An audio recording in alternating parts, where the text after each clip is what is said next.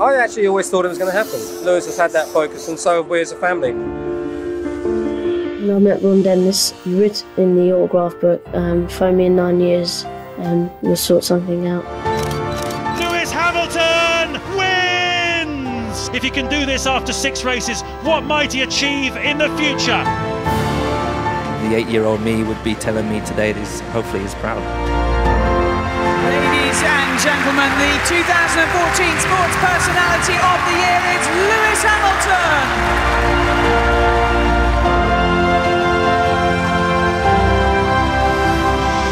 I've had racist names being called to me. I just ignore them and get them back on the track. I just remember watching Michael Schumacher win world championships. It's very, very surreal to have my name brought up in the same sentence as his. Recognise me now. I'm Lewis Hamilton. Sjö heimsmyndstararteitlar, 94 sigrar. Ruggladæmi. Þessi gæi er bara, hann er svo geggjaður að halvu er hellingur. Hann er ótrúlega bara ég með langar til að lesa fyrir þig metin ok, sem Lewis Hamilton er búin að setja. Ég til það. Flestir heimsmyndstararteitlar Flestir sigrar Flestir sigrar á fyrsta tímubili í Formule 1 Flestir sigrar án þess að vinna já, er hann á undan Villeneuve í Hann er með flestum sigrum? fjóra árið 2007 var Villeneuve bara, er Villeneuve ekki jafnunum þar? Það getur verið. Uh, Flestir sigrar á uh, ári án þess að verða heimsmyndstari já, 2016 Flestir sigrar með saman liðinu. Flestir sigrar á sömu keppni. Flestir sigrar á heimakapastrinum Flestir uh, hefur unnið á flestum brautum. Uh, Hefur unnið flesta sigra af ráspól Hefur unnið bara flesta kappastra sérst, mismunandi kappastra þetta er beislega sama brautin en einhvern tímann heitir hann Evropa einhvern veginn akkurat. hann þýski kappasturinn um, flesti sigrarnir árið eftir uh, sérst, á öðru ári. Já, og uh, flesti sigrar á, á sama mánunum uh, það er basically bara ef það er til eitthvað með þá er Hamilton með það. já og ég, nú er ég bara búin að tala um sigrana hann er með flesta ráspóla á, uh, by fyrsta, far, á, fi- á fyrsta tímubili já, hann er með flesta ráspóla á uh, ferlinum. Hann er með flesta brautir sem hann er með ráspóla á og flestu kapastarna hann er með flestu ráspóluna á sagt, einum kapastri sem er sagt, ástralja hann er með uh, flestar flest tímabil á ráspól einhvern tíman Já. frá 2007 hefur hann verið á ráspól okkur einasta ári. Og unni keppnu öll árin sem hann hefur verið þannig að þú veist ekki bara haldið áfram. Við getum fært þetta yfir á stíin hann er með Hann er með- 160 hann er með stand, stað, staða náttúrulega, það er, það er ekki 163 hægt, hægt að bera það saman og það er öðruvísi stegakjöf núna heldur en það er að sjúmakar var. Já, til dæmis. Og hann er yngstur, hann hefur leitt flesta keppnir hann hefur leitt flesta keppnir frá Yngstur, í, já, yngstur til hann á ráspor Nei, hann er hann, er yngstur. til þess að hafa leitt heimsendara keppna Já, hann, er með, hann er meira sem alls konar all, all, alls konar neikvætt sko. hann er með lengsta tíma eða sem er kannski ekki neikvætt hann er með lengsta tíma á milli fyrsta og síðasta titilsins. Hann hefur leitt Já, flesta já. Hann hefur leitt flesta kílómetra hann hefur, hann hefur sá sem hefur klárað flesta keppnir röð 47, still counting sko. það, Já, það er strikið sem er enn í gangi núna Já. Hann er líki öðru og þriðasetti á þessum lista Já. bæði vei hann er að, eh, og hann er með flest grand slam þessi bara Þetta er bara rugg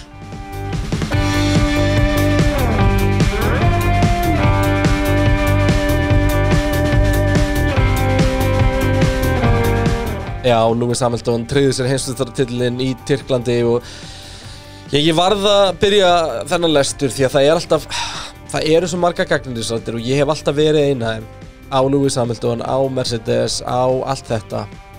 Já, gaggrindisrættirnar eru er að Lewis Hamilton er bara að vinna út á Nero Mercedes og það er alveg rétt.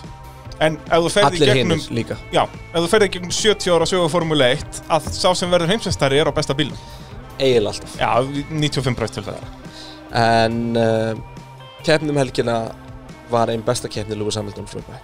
Já, svona líka út að það er mjög sjaldan sem að hann nær svona góðum árangri þegar hann vinnur titil Hann er yfirleitt í sjötta seti Já, í Mexiko þetta leita lútur að vera klassíst Já, já, bara klassíst, uh, einmitt sjötta, sjönda sæti eitthvað vesen og það dugir Akkurat, akkurat. En. Heldur betur ekki núna og bara þessi Tyrklands kappakstur 14. umferð hinsvestaramótsins af 17 núna, wow en uh, Já, við glemdum að segja Pitturinn Hilsi En hann heilsa náttúrulega úr podcast Já, já, uh, Nóa Sirius stúdíu podcaststöðurinnar. Heldur betur og, og Börnstofan að gera gott mót eins og venjan er. heldur betur. Það er úkslega gaman að fylgja þeim á Facebook þegar koma myndir úr svarta herbygginu einhverjum geðveikum bílum svo, sem er þetta að spekla sig í. Já, maður heldur þetta sé bara eitthvað útlöndum sko. Nei, nei, þetta er bara í kallarni. Þeir eru með þess að keramík húðun líka sem er svona next level dæmi í- þegar kemur að því að bóna bíla. Já, ég fíl þetta Ég fíl þetta Dodo Djúsin indislegur Ætlum við að byrja á s- Braga Þór Sögumanni eða? e, Við skulum uh, henda okkur í þetta hér It's lights out, away we go. And Monsieur Beckham's checkered flag puts the seal on Fangio's whip. One, two, three, four, five cars off at the corner. Eight seconds later, and it's Sterling Moss in second place. And James Hunt is the world champion. This is fantastic. And if you no longer go for a gap that exists, you're no longer a racing driver. That didn't work, Michael. You hit the wrong part of him, my friend. Jú, það er Bragi Þórðarsson sögumæður sem heilsar og þá hefst lestur mm. Fyrst, var, fyrst var keft á Istanbul Park brautinni árið 2005 og var keft þar næstu 6 árin eða til ásins 2011 Frægi brautarhönnurinn Hermann Tilke hannaði brautina sem ólíkt flest öllum öðrum er keirð rángsælis þar sem það er fleiri beigur til vinstri heldur en hægri. Uh, áhugaverðasta beigjan er ánefa hinn fjórfalda beigja nummer 8 þar, þar misti Juan Pablo Montoya sína síðustu möguleika á titli árið 2005 eftir að hafa snerist við að ringa Jordan bíl Tiago Montero mjög auðlalegt atvik þar og, og mæli ég með að finna þetta á YouTube Uh, Hraðasti ringur Montoya þá helgina stendur enn sem metið á brautinni en þá var þá liðsfélagans Kimi Rækonen sem vann það árið Næstu ár var það Brasilíumæðurinn Felipe Massa sem var alls ráðand á brautinni og vann kappæsturinn þrjú æru röð. Árið 2010 byrjaði Mark Webber á ráspól á sínum Red Bull. Hann leiti fyrir hluta keppnar þar til liðsfélagans Sebastian Vettel klesti á hann á bremsukablanum fyrir 12. beigju. Það gaf McLaren gullið takkifæri til, þess að, ja, já, til að vinna sem það þeir nýttu sér. Lewis Hamilton vann og Jenson Button varð annar. Þetta er náttúrulega svona frægast atvikið á þessari braut myndi ég að segja. Þetta er legendary. Að þetta er mjög svipað þetta menn voru að rifið upp núna fyrir þessa þennan kappakstur þetta er eiginlega alveg carbon copy af Ferrari dæminu í Brasilíu fyrra. Þegar þeir eru bara Já. þetta er eiginlega hvorum að kenna. Það er, ég, Ég, þetta er bara heimskulegt að báðum. Já þetta er svo mikil óþarfi af báðum. Að, jú, það er þetta að segja Vettel var vinstramöinn og beigir eitthvað aðeins en þú veist þá ekki að þurfa að ræða, þú veist, þeir eiga aldrei að vera að klessa saman þetta er beitkabli, eins og segi, þetta var bremsukablanum fyrir þetta. Eh, Red Bull svöruði fyrir sig árið eftir og þá var það Vettel sem vann og Webber annar. Í júli árið 2011 var að staðfesta Tyrklandir þið ekki á dagatalinu árið 2012. Verkefni þurfti 20 miljónu dala og þar af þurfti 13 miljónur að koma frá ríkinu. Ríkistjórnin neitaði og var því ekkert keft á brautinu næstu 8 árin og engar líkur á keft verið þar í framtíðinni því miður út að þetta er snildar braut. Bílalegu fyrirtækið Intercity á brautina í dag og hefur hún verið notuð sem risastórt bílastæði í síðust ár. Hversu sorglegt? Minnir á uh, Gókarbröðin á Já, Reykjanesi ég var einmitt að, það var einn punkturinn sko, þetta er alveg sama og er sam, sama leveli Já, þó að það svona hendi betur sem bílastæði þar sem það er, er eiginlega bara bílastæði. En, en það, það er sömu örlög við, við þessar brautir. Gókarsbreytin Reykjanesbæ og, og, og Intercity Inter, hérna, Istanbul Park brautin eins og hann heitir í dag. Aðeins þrýr ökuminn af þeim 20 sem keftu um helgina höfðu reynslu af Istanbul Park brautinni. Þá voru Sebastian Vettel, Sergio Pérez og Lewis Hamilton. Þeir enduðu mitt allir á velunapalli núna helgina. Þannig að það er reynslar að koma sterkinn og einmitt ég trúði ekki að þessari staðurinn til ég sá hana fyrst út að Rækon hlýtur af að kæfta hana. En árið 2011 er hann náttúrulega að keppa í, í hérna rally. Hann er ekkert að keppa í Formule 1 þannig. Að af þessum, sem sagt, þannig er að tala um þá sem voru keftu þarna síðast árið 2011 og það voru bara, bara hann keppti þrýr 2010 já, og eða hvernig, hætti hann ekki 2000 hætti hann hefur keppt í Tyrklandi. Já, já, hann vann fyrstu en ég held að hann hafi byrjað í ralli Já, ja, 2010 þannig að það voru fjóri sem hefur reynslu af Istanbul Já. Park en þrýr sem kepptu síðustu keppna sem það og Það er- Kimi vantla búin að gleyma þessu enda já, ári, ári fyrr. drekka svolítið af vodka í mittiltíðinni Æ. Herri, þessi keppni var ótrúlega áhugaverð og, og náttúrulega fyrirfram var Tóttin sá að Lewis Hamilton var alltaf að fara að vinna heimsmyndstara titlin hana Já. þeir mætti alveg með tilbúin Enda, skilt enda, enda sagði ég það hér í pitnum alveg fyrir nokkrum vikum síðan sko. Ég held að ég hef sagt það í þar síðasta þendi er En uh, þetta byrjaði náttúrulega strax ótrúlega áhugavert. Já, Þeir bara fyrsta ökumenn- æfing. Ég baka aldrei séð það eins Bara út af þá var ekki regningu ekki neitt Nei. Og samt voru allir að snúast. Og þú veist, þeir voru bara hlæjandi bara, Þetta er bara eins og þeir voru að gera eitthvað demorunum vetur í í, í frosti og Já. viðbjóði sko, út af því að þarna sagt, fyrir það sem ekki vissu það var nýbúið að setja nýtt malbygg á brautina. Það hendi nýtt malbygg og hefði verið alveg nóg að þrýfa brautina vilja margir menna sko. Já, eða þú veist, þeir voru fyndið að var það ekki að föstudast kvöldið sem þeir voru bara með fullt af bílalegu bílum að keira Já. í ringið þarna og okkur átta klíó köppbíla Já. bara alla nóttina sko. bara, En er ekki til eitthvað aðeins meira kapastus í öllu Tyrklandi Gattu þeir ekki, þú veist Og eins og þetta þú var, veist, var ekki eitthvað svona Porsche 911 GT3 bíl Já, ég segi það, eitthvað bara og láta hann keira stanslöft í gegnum nóttina, skilur, Já. var ekki hægt að gera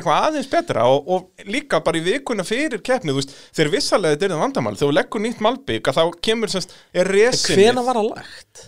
Uh, þetta voru held ég nýju dögum fyrir keppnina, það var rétt rúm vika. Þetta var miklu, þú veist, þetta var sama vandamál á Portamá í Portugal nema þá, það það var- var, alveg mánuður, mánuður eða Já, og þá voru þeir aðeins búin að vera að reyna þú veist, að var ekki official í keppnir þá voru þeir með eitthvað brautadaga og eitthvað svona til að aðeins að taka út af málið er að það þarf að taka resinnið af. Þegar við leggur nýtt malbygg og við höfum vel keirt á nýju malbyggi þú veist, sílsandur á bílunum verður allir svartir og það er alltaf þetta já, bara ólíja ofan á því í rauninni og það þarf að hreinsa það af og besta leiðin er að bara keira hratt og láta gúmið gleipa þetta í rauninni á, á kapastustekkjum það var ekki gert og fyrir vikið fengum við út af þetta, eins og segja, þetta var alveg nógu mikill sirkus í fyrstu æfingum, svo náttúrulega byrjaði að rigna á, á, lögatarsmótninum og, og þriðja æfingin í rauninni bara hún var ekki rauðflökkuð held ég en það voru eiginlega engin, engin út af brautinu undan því að hún var bara á floti. Og svo náttúrulega tímatangan sem var ennþá meiri sirkus Bíó. Heldur betur. Færum okkur uh, aðeins yfir í, í uh, bara tímatökunar er það ekki? Jú, færum okkur Við erum ekki að færa okkur yfir í það, ég var að tala um þær. Já, höld- já, afsaka þetta. Þar gerðist heldur betur merkilega hlutir. Það Já. var landstról á Ráspól Já. Eh, Djövill Racing var. Max Verstappen fúll í öðru seti Já, hann sagði hann á blaðamannafundum eftir að þetta var í fyrsta skipt sem hann var fúll að vera í þessu herbyggi, skilur, að vera í topp þreymur hann var yfirleitt bara svona, út af að það voru yfirleitt svartir bensar en ekki bleikir í kringum hann sko. En þarna Það var hann samt væri- máli Þú veist, í, í Q1 var hann uh, tveimur sekundum undan næsta manni. Í Q, hérna, tveimur var hann aftur tveimur sekundum undan næsta Já, á manni og tímabili var hann 5 sekundum ja. undan sko, veist, þetta var bara Hann var bara í, í sérflokki hérna framan af. Já, já, Leclerc þegar hann kemur inn í pitt þegar hann kemst ekki í gegn og, spyr hérna hvað er langt í fyrsta. Já, hann er hérna á þessum tíma. Ha, erum við sjö sekundum á eftir? Þú veist, þetta var bara eins og að keira mælefellsdalinn bara í ralli, skilur að, svona, já, það bara er sjö sekundum, það er fínt. Þú veist, þetta var ekkert formule 1 Nei, menn þetta var bara fáralegt og, og hérna og uh, en landstról náði á, á að toppa Q3 á hárreitum tíma 0,2 á undan uh, Max Verstappen, Sergio Pérez og þriði og hann var sko 1,3 á bak við Max. Að og, og bensarnir hvergi, sko. Albon gerir þetta já, Peres gerir þetta vel. Að hann fer strax bara út á intermediate, hann fer aldrei á blötu Já, og lappa bara á fullu. Já. Og- ætlum við það sem komið ljós með bensana var að þeir þurftu svona sjö ringil til þetta dekkin sem er magnað út af því að það er liðið sem er svona mest að eðilegja dekkina þannig þú veist eins og við munum á Silverstone og þeir eru að vera með þetta DAS-kerfi sem á að vera aðalmálið og Ég voru ekki að náði hann já, ég segi að málið er að, að ná hitanum í dekkin til að byrja með sko. En, en síðan höfum við séð að bílinn er mjög grimmur á dekkin í keppnunum sjálfum. Já, já, en samt tekst Hamilton alltaf látað endast. Já, en ekki Bottas. Ekki Bottas. Um, Albon var fjóruði, Ricciardo fymti, svo kom Lewis Hamilton Esteban Okkur, og taka fram að Lewis Hamilton var 5 sekundum hægari heldur en Max Verstappen? Já, 5 sekundum. Í akkurat. Um, Esteban Okkur sjöundi, Kimi Rækkurn áttundi, Bottas níundi, Giovannizzi tíundi. Og við erum að tala um það að báðir Alfa Romeo í Q3 já, fyrsta skipti í ár. Og Norris, Vettel Sainz, Leclerc, Gasly Magnussen, Kvíat, Russell, Grosjean og Latifi þannig ræðast þetta upp um að Já, það, ja, það raðaðist ekki þannig upp Nei, Nei, því að Þetta er bara með einhverja- úrslitin í, í, í tímatökun og svo Já. náttúrulega fengu fullt af fólki refsingar Já. og eigum við ekki bara að tala um það núna frekar nú eftir ég sett þetta inn sko með Haas út af ræðalega Magnúsen sem var brjálaður, Mhm. skiljanlega út af þarna voru sérst, tvöföld gulflögg veifuð. Sama, þetta var mjög svipaðar aðstæður og Jules Bianchi deyr Þetta var algjör skita Já, þetta er, eh, en þarna eru við, sem sagt, já, mjög svipaðar aðstæður, þá var að veifa bara tvöföldu gulu meðan á að vera að sækja bíl og da da da da. Þarna í tímatökum veifa tvöföldu gulu og menn eitthvað hæja aðeins á sér en eru samt allir að ná þremur sekundar betri tíma en í Ekki síðasta renni. sjens að meta þetta nefnilega Jú, jú, þeir gera það, dómararnir, þú veist, þeir farið Já, við en til þú veist, það er elementary ekki, og... það er ekki sjens að meta þetta samt Nei, og það þarf að breyta þessum reglum. Það aðalega það sem Magnúsin var reyður yfir er að það, það kom strax bara, heyrði, á dómarandi farið yfir þetta eftir tímatökur. Já. Magnúsin er aðna í 16. seti, býtu, hei, ég er að missa tækifærinu til að fara í Q2. Einmitt. En síðan, og það komið mitt um daginn að þeir fengat til refsingar, sem Magnúsin resti held ég 13. eða 14. eða eitthvað. Af fara í Q2? Þú veist, og, þú veist Já. þetta er alveg faralegt og það þarf að breyta þessu sístemi. Þetta er mjög góð punktur. Takk. Hefði samt ekki haft neginn áhrif á, á niðurstöðun held ég. Nei, nei, Magnúsin hefði ekkert unnið Q2, en ég minna það var rigning og þú veist, Allt getur gerst. Já, ég með Alfa Romeo voru þarna í, í ágættismálum og hans eru bara svona, jú, ég eru aðeins verri en já, eins og sé, það hefði allt geta gæst og það þarf að breyta þessu. Algjörlega. Sko ég veit ekki alveg í hvaða röð við um að taka þessa keppni. Því að til að segja sögu Hamilton þurfum við að segja sögu allra hinna. Já, já, eigum við ekki, við reynum bara að byrja á Mercedes og við förum þá bara aðeins fram og tilbaka. Það er til þess eru podcastin. til þessu podcastin Mercedes voru heimsmeistarar fyrir þessa keppni og Hamilton treyði sér heimsmeistarartillin í keppni hann er 110 stigum og undan Bottas eftir Já. helgina. E, og í algjörum sérflokki og eins og við tölum áðan að að þetta var algjörlega rjómin í pilsuendanum hjá honum þessi akstur. Rjóminn í pilsu Já, það er, þegar þú kaupir pilsu þá vilt alltaf dýfa endanum ofin í rjóma. Eins og gæðin í nættuvættinni Það ætla að hljómar eiginlega skárið en það væri rúsinni honum eins og oft notað. Já, nákvæmlega. Það er hljóma bara eitthvað, já þetta er nú rúsinan í pilsu sens. Hversu ógeðslegt væri það? Þá veit maður frekar nota rjóman Það liggur við. Ha. Það liggur við. En já, þetta var nú vesti árangur með setjast í tímatökum síðan í ítalska kappaktunum árið 2013 Já, takk þetta er 2013 Já, þetta sem sagt á hæpið þetta var árangur Þetta var ekki verri árangur en það en þeir voru báður í Q3 sko. Já, já. Það eins og segi, það, á hybrid árunum hafa þær verið í bara á öðru level. Og þess vegna mitt kemur öll þessi kritik á Hamilton að, að, þú veist, út af þetta dominance og ég vil meina það að þetta Mercedes dominance núna er það er allavega á parið, þú veist, mér stægilega verður meira heldur en Ferrari dominanceið sem Schumacher var í Já. Við fengum spurningu, ég held að Magnús bróður minn hafa spurt okkur eitthvað tíman í, eftir eitthvað þáttinn að hvað er svona mesta dominanceið og, og Ég held að sé þetta. Já, síðan náttúrulega eins og Ferrari missa náttúrulega aðvinum titlu, hakkin er náttúrulega aldrei að vera tvöfaldur meistar aukumann og því að það er bara árið sem að Schumacher fótbrítið síðan á Silverstone. Og þá var Ferrariin miklu betri, Eddie Örvan bara kunni ekki að kera formúlubíl. Þannig að- að þeir missa veinu ári þar, þannig að þeim var horfir á tölurnar að þá er dominansi á Ferrari í rauninni einu ári lengra, þannig að þeir eru þá núna jafnir á, á hvað er þetta, sjö ár? Sko um, Hamilton Mér langar að byrja að spyrja einu Bræði, Mm -hmm. heldur að bensin að vera besti bílinn um helgina? Ég einmitt, sko, hann Ted Kravitz vinnur okkar, hann hendi þessari spurning út í, í sínum notebooks eftir keppnina og mér þótti hún nefnilega mjög áhugaverð. Ég held að bensin að vera besti bílinn Þú heldur það, ég held að Red Bullin hafi verið bestur. Nei, ég held að bensin að vera bestur Uh, útskýrðu?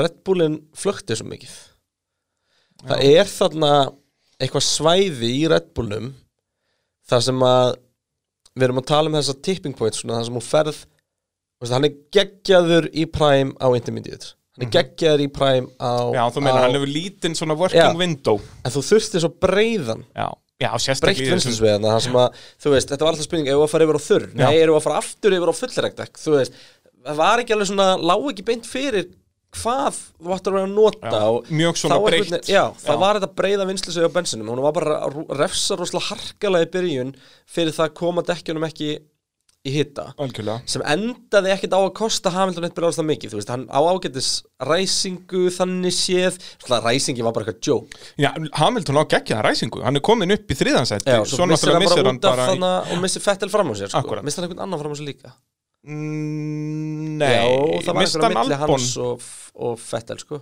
Mist hann Albon á milli sín líka þá, eða var Nei, það ekki svo? Verstappen er fyrir fram hann hann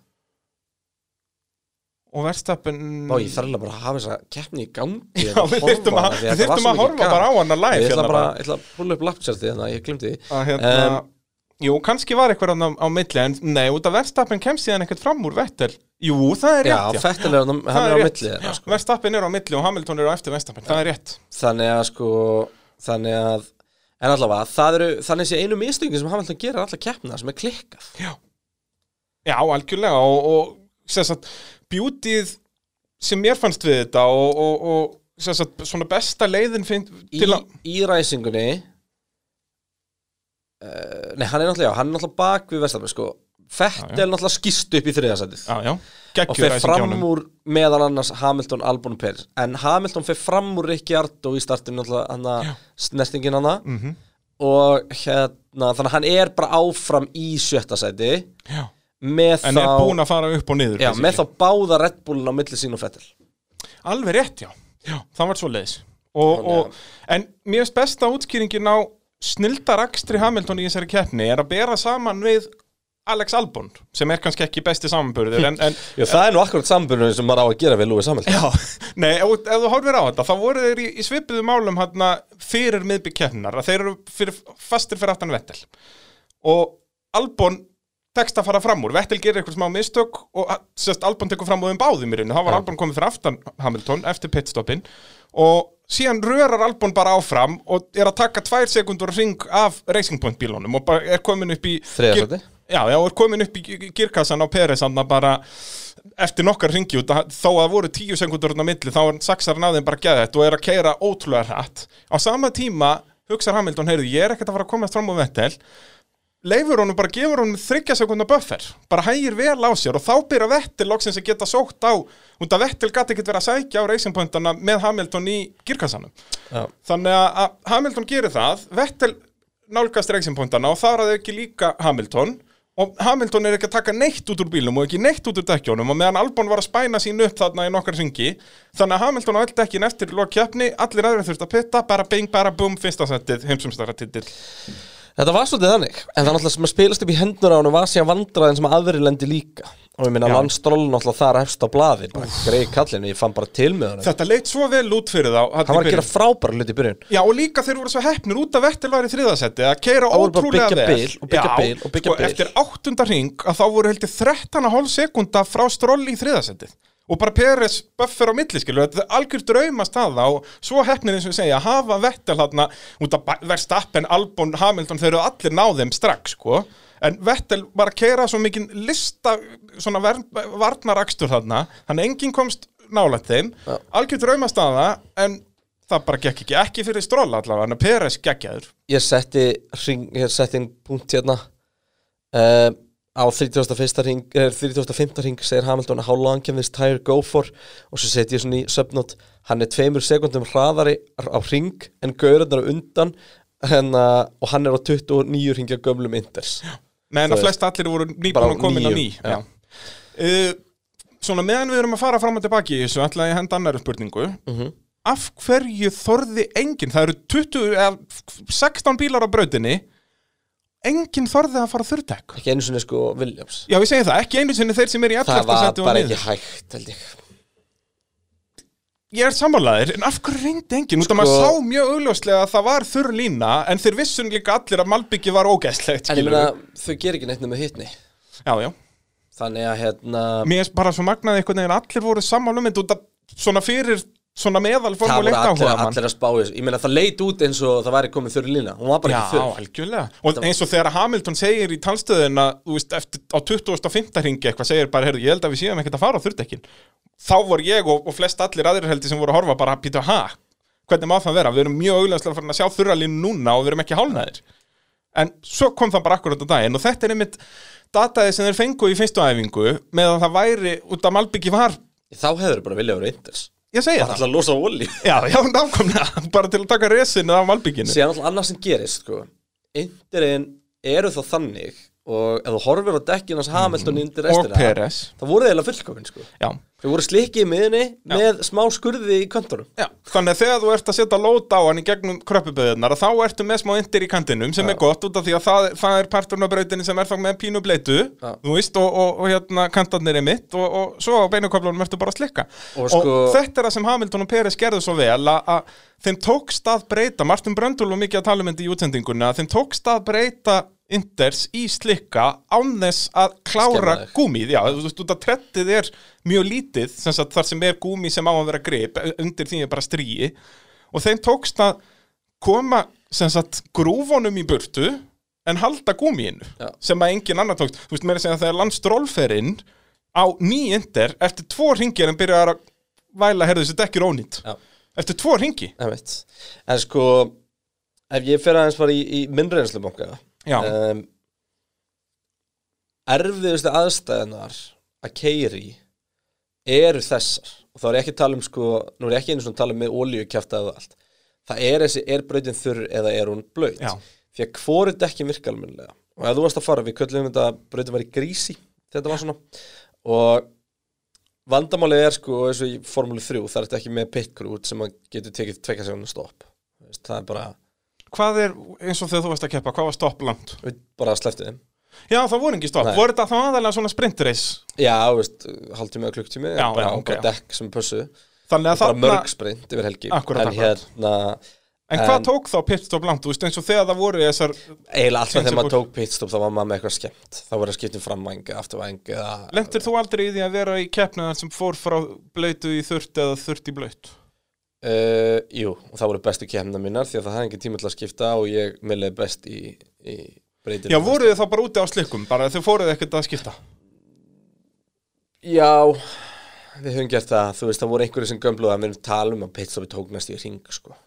Já, það var rúm mínúta bara í Já, veðarslu bara skiptum fjögur dekk með, með Bara einhverjum tveimur gömlum köllum bara. Ekki verið, þú veist, þetta er, þetta er sama system. Þú Já, já. gætir alveg verið með byssu og þú veist, og kláraða þannig en, en hérna, en það, það var ekki, ekki vinsalt Nei. um, en sko um, nei, líka left þú veist, það, sem, það, það var einn pointið mitt það sem ég, ætlaði að koma inn á. Ég átti þrjár mismunandi tegundar regdekkin sem var allt sama regdekkið þú viljandi keirir niður gúmið um ákveðið.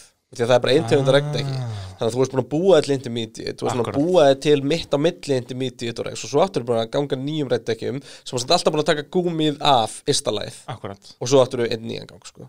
þannig að þú veist, Og þetta er gert fyrirfram, þetta er ekki þetta gerði ég bara æfingum Já. um vorið sko. Já, En bara- þú gerir þetta, þetta, þetta er ekki gert með einhverju vél Þú ert að keira þetta niður.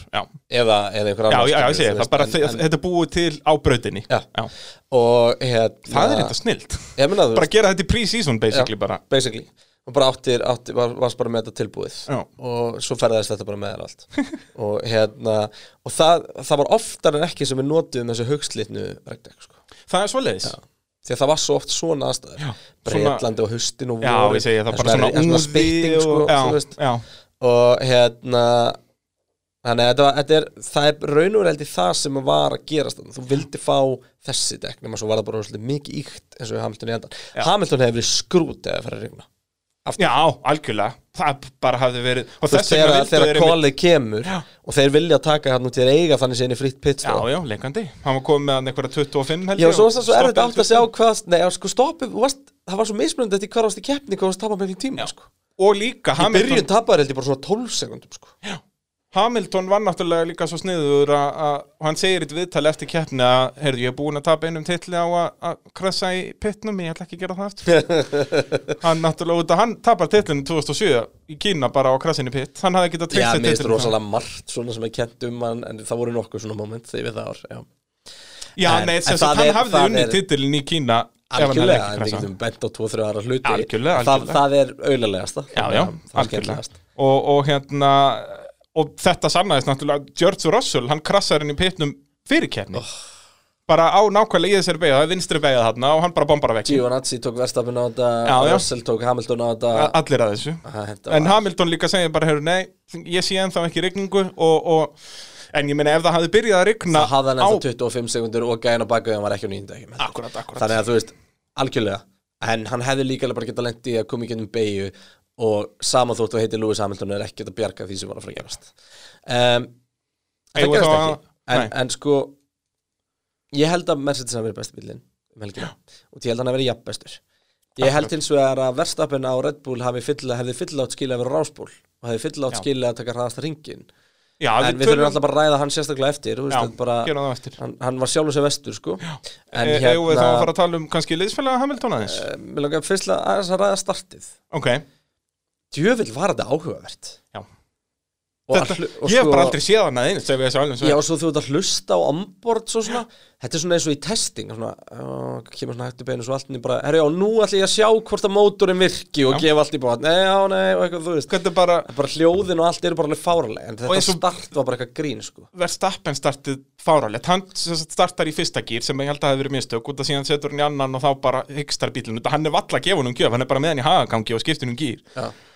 Meðan að Rikki Ardó byrjaði bara í öðrum gýr og hann náði geggjuðu starti að Þetta að gera svona við að þetta var bara, sko uh, startunum í, í fyrsta öðrum og ekki neina gjöf. Já, ég segi það, bara láta hann lulla, já, sleppa kúplingunum bara rólega bara í hagagangi. Þetta var ándjóks þannig, að þetta var, þú verðum að tala um olíublauta braut með rigningu. Þú veist, Já, þú þetta er svona þú pínu eins ekki og um var að búið eitthvað YouTube-djók, sko Herru, við ætlum að gera þetta klikkaða tilraun. Hvernig er bara- ræsi Formule 1 bíl á blöytri olíu? Já, þú veist, þeir hafa gert þetta, það er einn YouTuber sem gerði þetta einu sinni með rallycross bílunars Ken Block, þeir leta hann ræsa í sápu. Já, einmitt, þetta er beislega og saman þeir náðu að setja hann upp í sjötta gíra á fyrstu tveimur metrónum bara það, var, það var testið sko, þetta er mjög svipað þannig. Þetta er bara eins og einhver fimm ára krakki verið í tölvuleik og fór að fykta í stillingunum Já, já, Þú þetta var- "Ah, ég ætla að fáránlegt." prófa þetta og ég ætla að prófa hvernig ég geti farið að drifta formúlubíl og eitthvað. Og líka slow motion skotum sem fengum um helgina þetta var dásamlegt. Já, þetta var það. Þegar þeir eru að Þá grípa grípa bílarnir allir allir svo skítur og ljótir Það var ekki hægt að Já, horfa svo var það, hérna margir, ég fekk margar spurningar um þetta, ég held þó ekki á Facebook síðunni á okkur, en ég fekk nokkuð message um þetta, af hverju bílarnir svona ógísleir?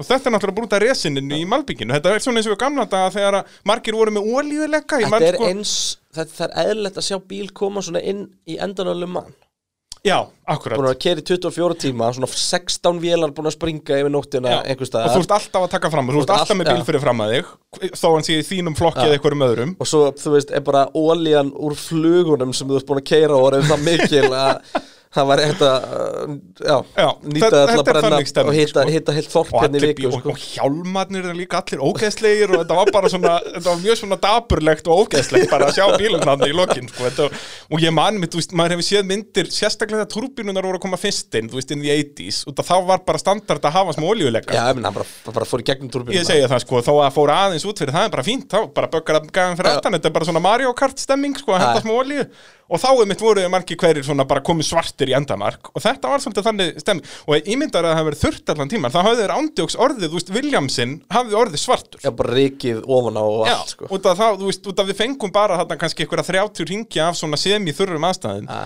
Þetta var bara magnað. En já, uh, Lewis Hamilton er bestur. Það er bara hann Það er svolítið svoleiðis, það er eitthvað annað en liðsfélagin um, um helgina, ég var að skella okkur í þetta hér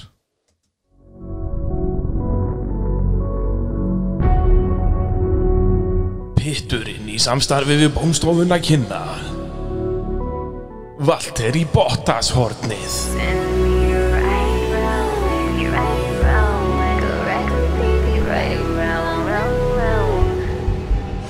To whom it may concern, fuck you.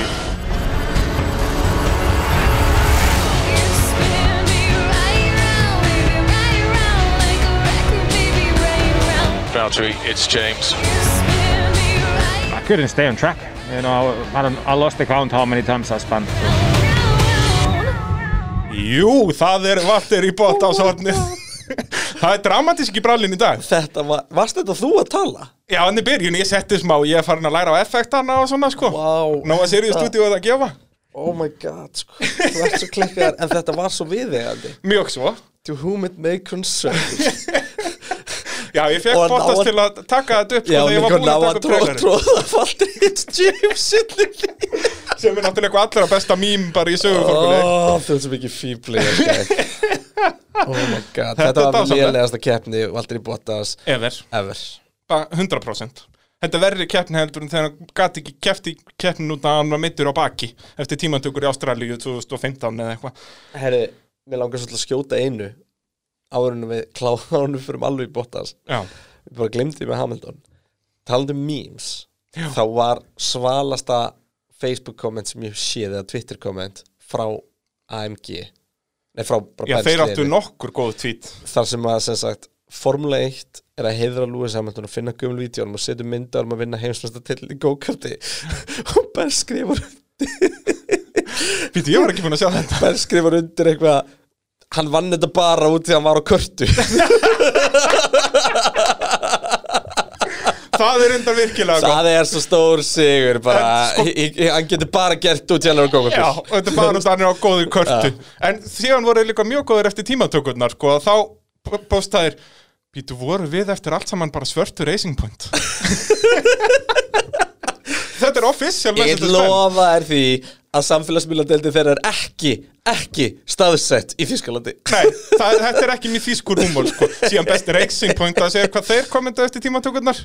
Það voru bara 180 karakterir af random bara Þetta er, ég hvet alla til að vera með öll þessi lið á Twitter út að þetta er mikill og góða bandir sem er í heldur betur, hjá öllum nefna Ferrari. En Ferrari actually komið með bandir á Benz um helgina. Nú?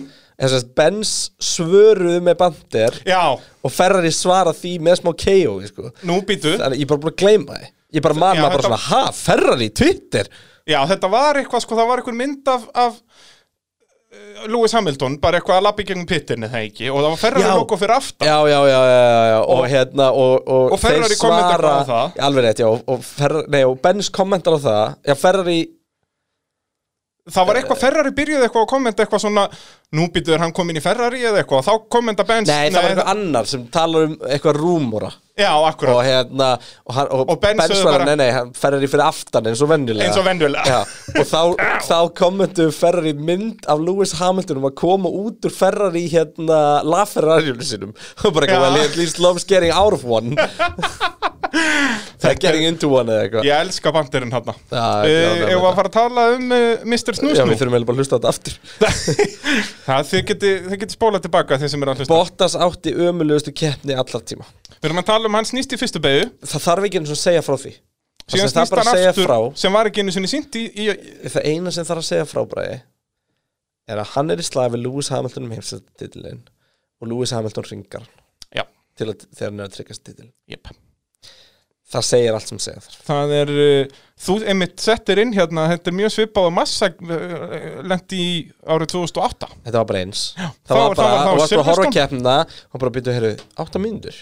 Já, hann lítur að vera snúast Þá massa snýrist, þá var rigning á Silvestón Massa snýrist 800 þrið- sinnum. Já, nei, sko bara þrísva sinnum En hver snúningur voru alveg margir snúningar. Og, og hérna Og Hamilton ringar hann varst hann að segja keppnina. áhugaverðna fyrir kemna að Bottas hefur talað með að vera búin að skekja stýri bara á öðrum eða þriðaring eða eitthvað? Já, sest, hann, hann snýst þarna, hann klessir ekki á neitt í fyrsta beigju, hann er bara að avoida okkon Já. og bremsar og snýst hannig svo setna á hringnum, þá klessir hann á okkon og það var ekki tínt í sjónvarpinu. Nú, ok. Þá sest, fara þær saman og þá talaði hann um að stýrið það eitthvað skekst sem mér finnst mjög steikt út af ég skil ekki hvernig þú getur klárað keppni með bógin stýrisenda á Formule 1 bíl Þetta gerðist lígilega oft í, í F3 sko. Ég hef lendið að kera það bara kant og stýri skekki sko. Og er, það er þá eitthvað meira svona stýrismaskínan eða Ég eitthvað að hliðrast til? Get ekki svaraði því. Nei. Ég bara veit Enda ekki bifvélavirki eins og ég. Það er nefnilega málið. Það er nefnilega En það málið. hlýtur þá að vera eitthvað þannig að dekkin eru þá ekki bein, þú veist, þetta er þá ekki stýrisendin sjálfur, sko, það myndir náttúrulega fokka hjólastillingu og þá ert ekki að fara að keira hann bíl. En það var allavega eitthvað, þú veist, sem var að böggan hann, skiljanlega, en hann sem snýst, er þetta ekki samtalt fjórum sinnum, það er tvisvar sinnum á fyrsta hring, svo á 20. öðrum hring og svo 40. á fyrsta hring. Bara bing, bara Ekki- yfirleitt á sama stað. Nei, fjórum sinnum. En eins og hann á 20. öðrum og 40. á fyrsta, hann var það á sama stað, bara út úr fyrstu beigju. Þetta var ekki Þetta er að gleyma fyrir Valtteri þetta var sem sagt, 20. og annar eh, hringurinn á 20. öðrum hring snúsnúið þar En- og það var alveg eins og í Þískalandi hérna Chaos-keppninni í fyrra En núna þarf. Bottas bara að hafa smá áhyggjur af uh, því að tapa öðru setinu sko. Nei, hann er ennþá hvað 30 stugum og undan Hann Verstappen. er 27 stegum undan eða ekki Jú. Og og við erum að fara á power brautir Já, Red Bull ekkert bara að búin að taka svo mikið að skrifa Já, já, náttúrulega Benz hætti að hanna hann bíl fyrir tveimur mánuðum síðan sko. Hann er að Þú veist. En hvað meiri var að segja um Bottas? Bara, þetta er í tímbilið, það er bara búin að glatað. Já, þetta var, var akkurat punktur yfir í hjá þeim báðum. Hvað Bottas er búin að vera lélugur og hvað Hamilton er búin að vera góður. Þetta var bara, síndi það, það fullkomlega í þessari keppni. Pretty much. Það held ég, erum við þá búinir með eh, Mercedes? Já, kannski bara svona í endan þú veist, Hamilton er styrlaður og það var ógeðislega flott að sjá þegar hann kláraði á Fettil á fyrstu mann til að labba til hans. Það var enda mjög fallett Það var geðvikt sko. Það er bara Gekku grafík þannig þegar að keira og voru búin að Ú, já, spekla í glerinu, hann lítinn og eitthvað. Þetta hefur er það sem einhver- ég elska við Formule 1 að þeir vilja vera sko fremstir á öllum vikstöðum Já, Þú sér þetta ekkert í töff. NASCAR sko. Herri, ég er aðeins búin að horfa á NASCAR. Já, ég líka, ég byrjaði í vor en er hættur því eiginlega núna? Ég horfði á, skast að, ég svona að vera að kíkja á endan og eitthvað. Þú veist, hvernig þeim tekst að búa til bara Will he make the championship playoffs? Já, bara já. playoffs, þetta er kappastur Bara eitthvað, four guys can make the playoffs. Og svo bara, eru samt 40 bílar Þú veist, og svo náttúrulega eru þeir alltaf með hérna Búin að ákveða, þú veist Dómari keppnar má setja út caution Á milli hring eitthvað, eitthvað þess að sé caution Það er bara já, öryggisbíl, bara- Það vantar öryggisbíl um það Akkur, það bara vantar Já, öryggisbíl já, það vantar bara aksjón Heyrðu, svo er það, talandi um öryggisbíl Magnað að við fengum ekki að sjá hann í þessari kefni Já, hvernig gerðist það? Ég fatt það ekki, við vorum að tala um að þetta Það var kom ekki Formule einu 1 á ís. Jú, það kom stafrætt einu sinni. Já, þegar hann hérna Og það var þegar hann actually leggur bílnum Bara út í að það var Já, svo mikið bara vesen. Giovinazzi, held Já, Var ekki? Jú. og Og hann leggur og- honum á frábærum stað í þokkabút sko. En þá kom Virtual bara í eitt ringa eða eitthvað. Það var fínt, það var pissastopp Já. fyrir mig. Það, og ég hugsa meira þess að það veri bara virtual út af því að þeir ætlaði ekki að taka og neinu eins og Já. Því að bara þeir meira að segja, byrjuðu, var það ekki Q2 sem þeir byrjuðu En þá með traktor það- út á breytum Við vorum að tala um það. Það er svakalegt sko. Já, já, neð, þú veist, við vorum að tala um tvöföldu guluflögin En það var út af þessu. Nei, nei, það var Nei, já, við erum það að tala um í- Q2, já. Já. Q2 er fyrir gang út af því að semst, en traktorinn tefst á leiðina að brautinni. Þannig að þetta, Og þeir voru náttúrulega líka að stressa sig út að það, þeir voru náttúrulega að klára dagsljósið þarna. Já. Herru, Tyrkland var 300. kappastur Red Bull og það var heldur betur illa að gleyma. Þetta, var, þetta það voru allar aðstæður fyrir Red Bull til að vinna hana Já, þeir voru með þetta alveg í hendi sér Bæði Albon og Verstappen. En það voru allar aðstæður fyrir þá til þess að vinna. Þeir voru áttu þá allan að vera í fyrsta seti og tapa því? Já. Þeir komast aldrei í fyrsta seti? Nei, Max annar í tímatökum sjötti í keppni Albon fjórði í tímatökum sjöundi í keppni og uh, Gulli tækifæri fyrir Albon að bara hreinlega að vinna kefni Já. Hann klúðraði því með að snúast hann Þú veist, ræsinginu Red Bull og þannig að þeir hreyfðust ekki af stað. Það er svo ég segi, ég hef aldrei séð annað eins Nei. og þess að þetta, þetta start hann Og uh, já, klálega vestastarti hjá Max Verstappen á, á ferlum uh, Já, þetta er það sko stat statistically speaking Já. Þetta er vestastart bara yfir Þú bara, talaður um aðan með albúnum mitt að elda Fettel og hvað var rólur yfir. Ég mitt skrifaði, sko, það er rosalega gaman að horfa á Verstappen á fyrstu ringjónum þar sem hann er að leita af gripi allstaðar og er svo augljóslega að pússa meira heldur en allir hinni í er hann að komast fram úr Fettel Það var bara ein lína í brautinni og það var bara ekki séns að fara fram honum að kemur mistök. Jöp. Það var bara svolítið þannig. Og Vettel, það yfir að hann gerði bara ekki mistök. Fettel var geggjaður þess að Geggjaður. Svona tölum, tölum aðeins um hann á eftir. Á smá. Uh, Hérna Max, svo, svoleiðis kveld skeita deði Hvað var hann að spá þegar hann var að reyna að taka fram úr uh, Sergio í þess að í litlu hægri beginni fyrir langa backstreitin Já. bara slakaði þess á þarna vertu í Þegar girkassanum á stóra spinnið hans kemur þegar maður heldur hann sé að fara að krasa. Já. Já. maður horfði á það bara með, með öndin í uh, hvernig hann já, slapp við alla veggi og allt er, er magna uh, en alveg glóralust hjá hann Það er bara glórlist, ég myndi að hafa ekki orðið eitthvað krass í þessari kefni sko. Já, eins og segi, það fengum ekki að segja öryggisbíl í þessari keppni, það er fáralegt En já, þetta verst þetta spinn hjá hann að Já, og svo var hann bara inn. hvergi eftir Það sá maður samt svo vel downforce því að það núna er ekkert mekaniskrip Mhm. mm. hann, hann er, sko, verstapin, nei, Peris gerir svona smá mistök einhver, þannig að hann ætlar að reyna þannig að verstapin er á innaverinni svo krossar hann inn í kjölsóið á Peres og það er svo bílinn bara liftist upp og hann bara svona skist út úr veginn. Það er bara, þetta var eins og Rikki Hambremsona bara, eða þú veist, þetta var bara, já, eins og segir Ég bara, þetta var bara svona eitthvað ekki jump Já, ekki neitt grip. Já, bara dekkin snert ekki jörðina lengur. Og ég og meina, síðan, þú að- hann spinnar aðeins ætlar síðan að reyna að bjarga þegar hann komin út af brautinu og þá er hann bara á málingu þú veist, það er búið að mála eitthvað grænt þarna. Þá náttúrulega getur hann glemt í bara við að anda á bensíngjöfuna og snýst bílinn og, og það var raunin. Sko, svo Max, snerist hann svo ekki aftur og hann snerist síðan aftur setningkefni Max Verstappen. Hann snerist sem ég kemur Já, eitthvað svo leys, það var alveg út að skýta eftir þetta. Allavega tvisvar. En sko Einu sinni var okkar maður kroft í handvisum að það var Albon og öskraði bara Alex Albon er að kasta þessu frá sér." Hann uh, tók hann þjónustulíði undir restina, já, hann gerði það. Og náttúrulega fer hann í pitt, hann flattspota öll dekkin í þessu spinni þannig að þá fer hann beint inn í pitt eftir það. Já. og fer hann, fer hann þá ekki alls þrísvarsinum inn í pitt Jú.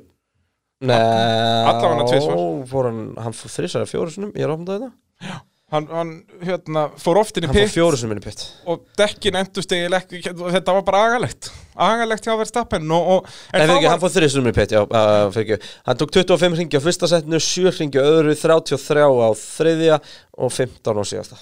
Já. Og náttúrulega sjö ringi þarna og þetta er magnað sko. þetta er bara eins og með stról, hann bara fer út á nýjum dekkjum og bara dekkin eðilegast á meðan að Hamilton fór 53 á sínum intermediates. Ótrúlegur og hver var hinn? Peres, sjokker tvei bestu í að passa på dekkin það er bara hannig um, þetta er rosa fallið til að drega fettel sko 10, 25, 25 það var ekkert að flækja hluti. Nei, ekkert, já, bara mjög basic. Þetta er bara svona eins og þegar maður setur þetta upp í Formule 1 tölvuleiknum Já, hann bara, búin að tellja bara. Já, Um, en þá var raunin komin að Albon eftir að Max kveldkitt og leit mjög vel út eins og þessir hann ringið þegar hann að nálgast reiksinpointana bara tvær sekundur og ringlíku verðin að taka að þeim. Þangall á 34 ring Já, hvað gerist þá Kristján? um, Ertu með lag eða? Nei, sko, þetta nefnilega var ekkert Þú veist, auðvitað er þetta alltaf honum Við að hefðum kenna geta verið með þú snýmur ring, ring, ring eftir ring sem betta undir þessu Já, þætti, já, sko. ég- eiginlega, bara hafa hann í einn og hálfan tíma Já. bara undir bara, út af þetta er svolítið, ég spáði því líka bara fyrir tímatökundar, ég hendi því inn á Facebook að þetta verður mín spá um helgina og skellti í tvíhöðalæðið bara, og, og, og það koma líka alveg á daginn Um, en þetta var klögulegt ég, sko, ég er ekki alveg búin að ræða Max því að sko, Max er að gera árásand í byrjun Mhm. og er klálega að sækja þú veist, þetta var aftur, mannstu við að tala um það með hvernig Hamilton var bara alltaf að hann var bara alltaf að vera aðeins betur og aðeins betur og aðeins betur og aðeins betur það koma ringir sem verstapin er bara að sækja eins og ég veit ekki hvað og svo koma ringir sem hann tapar fjóru sekundum sko. þannig að þetta var svo fram og tilbaka og hann náttúrulega er að pussa þarna fullu hann er raun og veru síðastur af einhverjum svona sem skipta máli til að fara yfir á intermediates. Hann keirir allavega þremur ef ekki fjóru ringjum lengur heldur en stról til dæmis. Hann vildi ekki gera sömu mistöku í tímatökum við, Nei, en síðan á sama tíma Eli Klörk voru hraðasti bílinni brautinu Já, já, er að taka þrjár til fimm sekundur af öllum. Bara út að hann er, sérst, Ferrari gera mjög gott mót í að að senda hann út akkurat með bíl, þú veist, hann hafði 20 sekundur í Norris heldur sem var á undan á intermediates. Já, já, og þá er hann líka bara að taka eins og af Norris bara 5 sekundur ring bara ring eftir ring eftir ring og þeir byrjar að taka 2-3 af Verstappen sem er í fyrsta seti og þá loksins fer Verstappen inn. Út af þannig mitt vildi hann ekki ef við förum aftur aðeins í tímatökurnar. Við töluðum ekki alveg mikið um það áðan að Verstappen náttúrulega var brjálaður út að liðið skrúaðan fannst honum. Hann vildi aldrei fara á sér intermediate dekk út hann var geggjaður á blöytudekjum Já, og það tók tíma að hitta þig Já. sem að koma í ljós Já, og náttúrulega hann fórnaði geggjum ring bara til að fara inn í pitt. Hann var þarna á splittónum einhverjum tveimur sekundum og undan Peres sem var þá fræðastur. Hvar hefði það endað? Það hafði ekki verið hraðastir ringur, sko, en þá var hann ennþá að hitta blötudekkin. Og Red Bullin var alltaf betri á blötudekkjunum heldur en intermediate. Það er nefnilega málið Það er nefnilega málið. Það er það sem þú talar um í byrjun þáttar að það er... Já, líka bara með svo- þess þegar þessi svona breakpunktur er Já, sko, á ég að fara upp eða, eða hvað? Sem að var einmitt einn af styrkleikum Red Bull alltaf. Já, en er var ekki alltaf lengur. ógeðslega góðu þar. Og líka bara aukumennir sem voru að keira þú veist, það sást alveg að Max kann alveg að gera kappa spil sko. Já. hann bara reyndaði það svo mikið. Já, já, það er bara... Það er bara svo leiðis. Albon hins vegar var í geggjuðu færi til að gera þetta sinni keppni þanga til að þetta spinn kemur hann á 34 ring Ef hann hefði unnið þessa keppni, heldur að það hefði hjálpað honum nægilega mikið til að Ég hugsa að þessi keppni hafi hjálpað hann um helling. Og því að ekki. er alveg að kólna. Ég veit það, mér finnst það svo magnað. Og það er svo klikkað að gæinn sem endar í öðru seti þessari keppni er einn af þeim sem við vorum að tala um. Og það virðist ekkert snúast um hversu góður hann er. Nei. Peres syndi það einu svona enn hvað hann er bilaðislega góða kappasökum Bara í þessu midfield slag er hann búin að vera bestu ökumæðurinn í tíu ár. Þetta var nýjundar hennar velunapallunars Já, nákvæmlega. Og hann er búin að vera á Sauber og Racing Point, skilur Og Force India og hvað þetta heitir allt saman. Að, þú og veist, lélegast að maklarinn sögunar Já, svona, nei, nei, það hann átti eftir að vestna árin eftir. Að Hann var í fyrsta já, já, já. Getum orðað það þannig uh, Og það náttúrulega fór alveg með fyrirlinnan sem við byrjum, við förum eins mikið fram og tilbaka á hægt er hérna. Peres náttúrulega það, eð, það á þessum tíma hérna 2000, og- hann á geggja tímabil með Sauber 2012 Svo þannig að öll liðin vilja fá hann 2013 Uh, Ferrari og McLaren er að berjast um hann. McLaren vinna og gera svo einn lélegasta Formule 1 bíl sögunar Já. A, og það náttúrulega fer alveg með ferilin hjá Peres. Mhm. og þú veist, Bötton var leysfélagarnas Bötton var geggjaður þannig og eða, þú veist, þeir eru þarna bara að berjast um tíundasæti og eftir það fer hann bara, já, til India held ég og, já, Já, það ekki. Mér minnir það, fer hann, er, fer hann svo snemma til India, 2014 Hann er bara að keira fyrir og til að marga sko. fer hann eitthvað aftur í millitíðinni, fer hann, ég bara er ekki með Fór þetta hann hreinu. aftur í sáber það Manstu gæti hann verið, að á ég Chelsea sáberinn hann já, ég held hann sé nefnilega ekki þar. Jú, hann fór aftur í sáber sko. Er það, það Hvíta og bláa hann með Kobayashi það geti bara hreinlega verið, á ég, á ég að Wikipedia þetta hérna í Við erum ennþá samt að tala um sko hinn en, já, farðu, hald þú áfram að tala um, um Red Bull Já, sko, ég, ég kom með þetta hérna Hann það er er Sáber, Sáber, McLaren já, 2013 er hann hjá McLaren Svo fyrir India og svo, já, Já. ok, hann er búin að vera hjá liðinu síðan Vá. 2014 sko. wow. Liðinu sem að síðan pappi kemur og kaupur og sparkar hann út litlað Ímyndaði hvað væri geggjað lið að hafa Vettel og Perez saman Já. Það væri ándjóks, það væri sennilega besta dræfilegin uppið á næsta ári. Nei, ok, það væri ekki best, nei. Sorry, ég dreif þetta tilbaka. Vettel er lélugur að kera Formule 1 bíl. Já, en það er, við munum ræða þetta heldur mikið í uppbytuninni fyrir næsta ár. Já. Hvað er actually besta dræðlanum En allavega, Albon hins vegar, hann er Þú veist, við þurfum eiginlega ekki að taka, tala mikið meira um þessa keppni á þeim Því að þeir voru bara sjálfum sér vestir. Já. Og Út af eins og segja, þó að Red Bullin hafi ef við viljum gefa okkur það að Red Bullin hafi ekki endilega verið hraðast í bílinn að þeir áttu allavega þá að vera í stöðunni að vera í fyrsta seti og að láta Hamilton ná sér. En Samt tekst Max að klára fyrir framann Albon. Já, alltaf verða svoleiðis. Alltaf verða svoleiðis. Hefur hann Og einhvern tímann tapað fyrir honum á braut? Þegar báðir lendi ekki inn einu vissin, nei, alveg pottit Nei, þú veist meira að þú þetta báður í vesinni Ég bara segja sko að annars að þetta út sko. Ég ætla að segja nei. Ég held ekki sko. Já. Enda engar, þú veist, það, er oftar sem hann ringar hann heldur en ekki sko. Já. En allavega, En veist mér en bara magna það þessi er- orðrúmur síðan að hverfa Albon sé alveg að fara að halda þessu seti Ég bara, sorry, það er, getur ekki verið sko. Það er Getur eitthvað, það er verið. eitthvað stekt við það E- Ef að það er niðurstaðan Þá er bara eitthvað sem við vitum ekki Þá Já, já. er Albon bara að fá verri bíl Eða eitthvað Eða þá Já, bara þeir sjá í datanu Að verstapin er bara svona Ótrúlegur Að það er, hann, þú veist það bara, Og það er, alveg er ég bara að pottet. tala um sko Nei, ekki segja þessi Nei. ég ætla bara að segja næst er ekki rétt sko. Að segja, þú þá myndi það bara því að hann væri sekund ringaldur en Hamilton komin í saman bíl sko. Já, já Þú veist, annars væri Albon að hitta á einhverja brautir þar sem hann er nálægt honum sko. En þú veist, ég held að hljóti samt að vera eitthvað svoleiðis sem þeir eru að sjá, kannski ekki svona eitt eins og þú segir, en eitthvað svoleiðis út af því að annars hefur náttúrulega hent Gasly í bílinn strax, en þeir sáu nákvæmlega saman með Gasly og eru bara í datani og sér, sjá þeir bara ok, verðstappin er bara svona geggjaður, við ætlum ekki að fara að kompromissa bílnum svo dræfir tvö verði eitthvað aðeins betri þannig að við ætlum þá bara frekar að gefa dræfir tvö bara ár eftir ár í að reyna að nálgast eitthvað Já. og það Albon var geggjaður í Toro Rosso En honum. sækir það ekki reynslu í þróun? Ég veit, ég, eins og ég segi, ég skil þetta ekki Og ef, ef að það þýðir, ef, ef allar hvort er bara að vera með einhvern ökumann sem bara lulla þá liggum við geta bara sett Kimi Rækunin á það Já, eða Og- bara Sergio Pérez sem kemur líka með peningin í liðið Já, þú veist, ég held, ég, ég hugsa bara Hulkenberg sé sterkar í þróun sko. Án þess ég hafi endilega eitthvað fyrir mér í. En Pérez er bara svo Bara geggjaður fýrbakki frá er svo magnað sko. Já Ég, er ennþá ég, algjörlega, og Peres, það er ekki sjens að Peres er lélur í því hann er búin að vera þessi gæi hjá Force India Já, ég er bara búin að byggja upp það lið Já, Magnað. talandi um Force India og talandi um Racing Point Já, núna eru er þeir komnir í nummer þrjú í rauðinni hjá okkur. Þar sem þeir eru í þriðasætti í keppni bílasmiða með 154 stig. Peres þriði á ráslinu, annar í keppni. Stroll á ráspól, níundi í keppni og ofsalega fann ég til með Stroll. Já, hann setti bara í bakkir eftir fyrsta stoppið. Ef við samt eitthvað að ræða hvað Stroll var góður í tímatökunum? Þetta var, ó, var svo geggjað.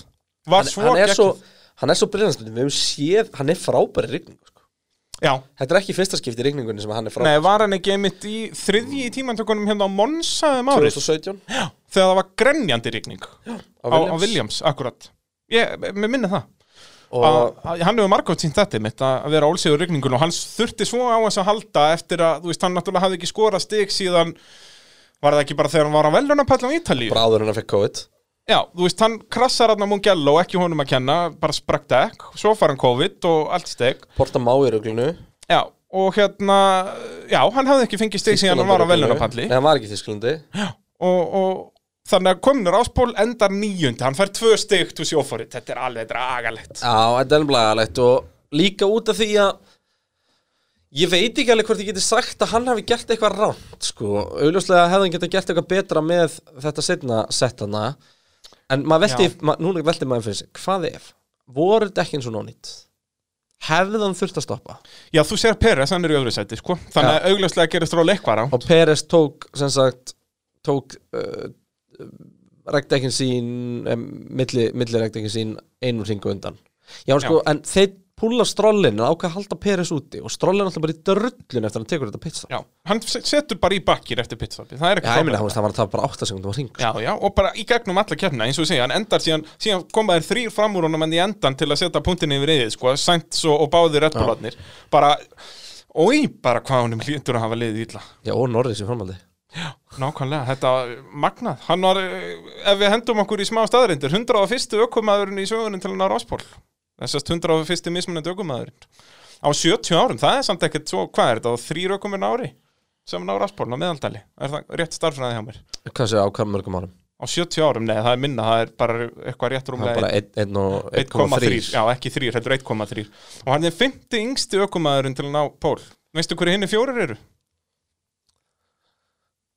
um, Ég ætla að gíska að þessu allir nútíð Egil allir Í nútíð Sest bara, þeir eru nútímanum Já, já, það er, mín En vísbending er Verstappen- að þeir verða allir að keppa á næsta ári. Já, Verstapenlega Klörk Vísbendingin gefið þeir einn, augljóslega. Alonso. Jep, uh, Hamilton? Eða Fettel já, Fettel í stæðin fyrir Hamilton. Hamilton, það er- var ekkit svo ungur þegar hann kom inn. Hann Það var alveg 22. ungur en ég er að segja hann var ekkit eitthvað svona Þeir- í, nútí, þeir- nút, í nútímanum er hann ekkit sérstaklega ungur að koma Þeir, 22. þessir fjórir þarna sem eru á undan Stroll eru, voru allir 21 Stroll er En nýjórið Stroll 22 verður svona wildcardið í þessari spurningu eftir þrjú ár sem enginn fattar. algjörlega, algjörlega. Str Stroll er hann, hann náttúrulega átti 22 ára ammælistag bara þarna, var það ekki í Portamá En út af því að Peres kostar pallin núna þá er ég með spurningu fyrir þig. Ok, Veist, þú veist, því þetta tímubil er búið miklu skemmtilega en maður heldur. Já, en maður heldur nú, ég er, veistu hvað eru margir aukumenn búin að standa á velnum? Ú, ok, nú fyrir maður að telja Viltu gefa mér töluna? Ég vil á gískir á hana fyrst bara, eh, Gískaði bara án Ok. þess að telja Hvað heldur það Já, séu ok, margir? bara henda tölu loftið uh, Átta 12 Ok, nú ætla ég að telja það upp Hamilton, Bottas, Leclerc, Vettel, Perez, Stroll, Sainz Hver var pallurinn? Gastli Verstappen Albon kom með tíu Tveiri viðbútt Ég var búið með Perez, ég var búið með Stroll uh, Ricky Ardo. Varstu búin með Hamilton? Já, kom með Hamilton fyrstan. Uh, Hverjum er ég að gleyma? Nor Var ég búið með Norris? Ég man það ekki. Man það ekki Þetta er sem sagt Hamilton, Bottas auðvitað, Verstappen Peres, Leclerc Ricciardo Sainz, Norris Albon, Gastli Stroll og Vettel Þetta eru basically, þetta eru báðir bensarnir, báðir Red Bullarnir, báðir Ferrariarnir, Báðir McLaren báðir McLaren, Ricciardo og Gastli. Bara bing, bara búm. Já, það er magna, 12 mismunandi. Það er eitthvað sem maður bjóst ekki við fyrir tímabili. Nei. Og þó, jú, eða þú veist, út af því að Ferrari skitu, þá svona eiginlega Nei, þá held maður að þetta er bara alltaf verið stappen. En, þú Já, og ef ekki Verstappen þá væri Albon hann eitthvað staðar að taka einn og einn og svo kannski Kannski Ricciardo skilurðu. Ricciardo uh, Norris, Sainz Já, já, það eitthvað. Og svo náttúrulega hefur við fengið þessar tvær keppnir sem voru bara út í hött. Uh, hérna, og náttúrulega Monza pallurinn bara, Við erum búin að fá nokkrar út í hött sko Já. Monsa var út í hött Imola var út í hött Ungverjaland var eiginlega út í hött út af að bleita í tímatökum Já, þú veist og bleita í tímatökum Austuríki, já, Silveston, brungut ekki Þetta er bara önnur keppni sem er út í rögl sko. Og þú veist, menn er að Geðveikt tala um tímabil. núna sko að ákvæði vildi allar keppni væri í rigningu eða getum við ekki sett nýtt malbygg á allar breytna núna og eitthvað. Við skulum halda hestunum okkur, við viljum ekki að jólinn sé á öll, alla daga sko. Er sko. Þetta verður að vera svona svo að þetta sé áhugavert. En þú veist, neð, hérna, Drive to Survive á næsta ári verður bara átján þættir eða hver þáttur verður þrýr tímar. Það er svolítið svo leiðis Það er alltaf nóg að taka sko. Já, uh, erum við búin að tala um, um Racing Point? Ég talaði eins um hvernig Vettel var svona hjálpaðum hann áðan. Já, við þurfum bara að svona greina hvað gerist hjá Stroll. Já, nú ert þú sérfræðingurinn, hvað gerist Ég get ekki svaraði Nei, ekki heldur nefnilega. Og þú veist, og svörin eru svo óljós en bara hann bara gati ekki fengið setni dekkin til að virka. Já. og, Og nú spurning hvort ekki- hafi verið á agressíu þegar svo tala maður fyrir kvart yfir greining hann bara eftir tvo ringi Já, ándjóks eftir tvo ringi, við erum ekki að íkja það. Og sko, tónnin í hann var þegar hann segir það þetta er bara, mér líður bara eins og, þetta var svona hérna stera sleikju á badnirödd sko, Já, þú veist, hann bara, bara- hann trúði þessu ekki. Ég segi það, hann, þetta er, já, akkurat en hann var ekki búin að gera neitt vittlust Nei, nei, alveg eins og krakkin í barnabílunum sem að, hann er ekki lengur með sleikjóðun sinn. Hann skilur ekkert af hverju hann er ekki með sleikjóðun lengur og er bara, byrju, af hverju er þetta að gera fyrir mig? En maður heyrði líka sko, í, eins og reyti á þess svona fyrirpart þegar hann er með þessa 13 sekundur í fóskot og allt er í blómanum að þá er hann svona tiltrúlega örugur bara en samt svona pínu nörfi sem það, þú veist, í fyrsta skipta leiða Formule 1 kefni en svo eftir það, þú veist, maður heyrði bara hvað hann var stressaður. Þú veist, það var ekki vottur að yfirvegun hann og það held ég líka var bara í eksternum að hann var ekki var samt ekki að spinna og eitthvað sko. Nei, nei, en greinilega var hann bara að nota dekkin alveg kólránt Það bara, þú veist með að Peres er á sama bíl og fer þetta langt á þessum dekkjum og endar í öðru sendi Stroll var bara of aggressífur. Já, líka út í að restin og allir þessi bílar sem koma fram úr í restina voru að skipta á svipun tíma aftur sko. Akkurat, en þar eru einmitt hausar, skilur, Sainz, Verstappen, þú veist allir Ardo Nákvæmlega, þannig að, já, já, agalegt alveg. En, en Peres, Já, Peres náttúrulega lendir í, því- í 5 sekundar stoppi hérna í fyrrastoppinu sem ég held að myndi alveg rústa fyrir honum sko. Já, já og uh, síðan náttúrulega dramatíkin í síðustu beginni þegar Peres Ég var búin að gleyma því með þegar, þegar Peres missi bílinn hann í hægri beginni hann sem að, að Verstafinn spinnaði mm. -hmm. Leclerc kennst framurunum Út af þetta var nefnilega ekkert sýnt í útsendingun Út af þá var bara allir, augun á Hamilton bara, þetta var Nei. sýnt í replay Nei, eftir nei, nei, á. þetta var sýndi beinni Ekki á F1 Hjá TV mér var þetta sýnt í beinni, Nú það eru við að playa mega En sko allavega uh, Sérst, Leclerc kemst fram úr, fram úr, Perez. læsi dekkjunum Þegar hann Fetjúf, kominn Peres fram úr. nær aftur og dekkir hjá Peres gennilega búinn sko. Jep. og Fettil nær að tróða sér Á milli, já, já. Leclerc gaf uh, Vettel pantlarna Já, Fettil átt hann skilið sko. Ég heldur betur. Uh, McLaren, Já, ekki mikið að tala um hjá þeim eins og hefur verið núna bara síðustu svona 5 til 7 keppnir Þeir eru alveg búin að færast Við vorum svona með Runo í byrjun Þeir tímabils eru búin að svissa sko Nú er þetta búin að svissast Nú eru Ég hef McLaren reyndar bara ekkert að segja um Bruno heldur í þessari eru að uh, Sainz uh, 15. ára áslínu klára 50, Norris 14. ára áslínu klára 8. Já. Og þannig mitt við að tala um ára áslínu Við erum ekki að tala um úslit í tímatökunum Þeir náttúrulega að fá báður refsingu fyrir að ignora þessi Já, já. flögg Hvað rendur þessari tímatökum? Eitthvað, ég held að það hefur báður bara fengið tvö sæti refsingu Þeir eru komist hvorugir inn í Q1 held Já, ég. var það nokkuð?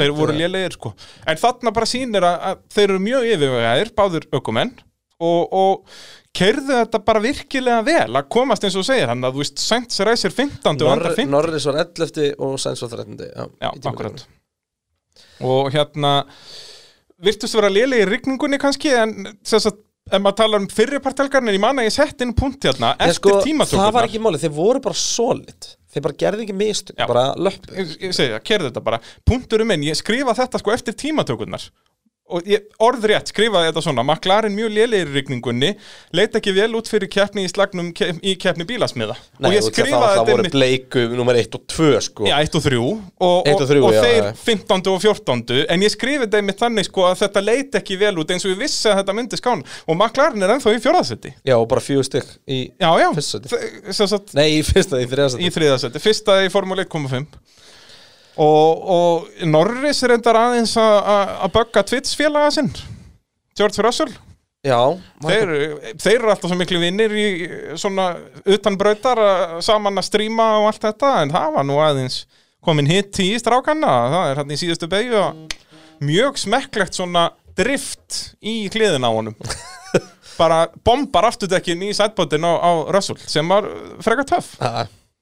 Um, Færum okkur bara yfir Runo því að það er Já. lítið að uh, McLaren uh, Runo átti mjög slæma helgi fá eitt stig Ríkjard og 50 í tímatökum okkur 7 í tímatökum Já, og eru núna bara í Ríkjard slæmum málum. og, og, og, og okkur 11 og þetta náttúrulega bara fór allt í í uh, ræsingunni því að sem að Ríkjard og tappar okkur það er Já. snerting og okkur spinnar og Já, Ríkjard hafði valmöguleika annarkvort að láta Hamilton keira á sig eða hann keira á okkur Já, og svo var hérna Ríkjardó bara í solid sjötta sæti hann lengi. Já. En svo bara í setnum þjónustilíðinu þá missir hann hann að stróluna af, af uh, fram úr sér Og sem allir náttúrulega- pitta svo í framhaldið af þeim sem þurftu. Já, já. Og hann bara næri ekkert aftur upp. Og það er náttúrulega var máli, það var vonlaust að taka fram úr þarna og það var bara ein lína á brautinni. Þetta var aðeins skárra setni hluta keppnar og náttúrulega snildaðir aktivituðu DRS-ið Ég held að við myndum aldrei ég fá átti ekki DRS vona, hvað kom það, 31. ringa? eitthvað? Svo leiðis, eitthvað um 30 allavega. Og, og hérna út af því að venjulega er það veist, er DRS-ið alltaf ekki leift ef að menn er ennþá intermediate ekki, maður er alltaf byggðið þá hvernig flestir eru komnir á þurrdekk og þá er DRS activata en þarna sá bara reistarrektorinn og 100% rétt ákvörðin hjá honum er að menn voru ekkert endilega að fara á þurrdekkin þannig að það gengur ekki að miða við það. Þannig að þeir miðuðu bara við þetta og, og bara algjör snilt og gera keppnina miklu betri út af eins og við sáum, þú veist, ef að Verstappen og, og Hamilton og þeir höfðu haft DRS í byrjun keppnina, þá höfðu leikandi komist fram á Vettel og þessum köllum og Albon og, og allt það.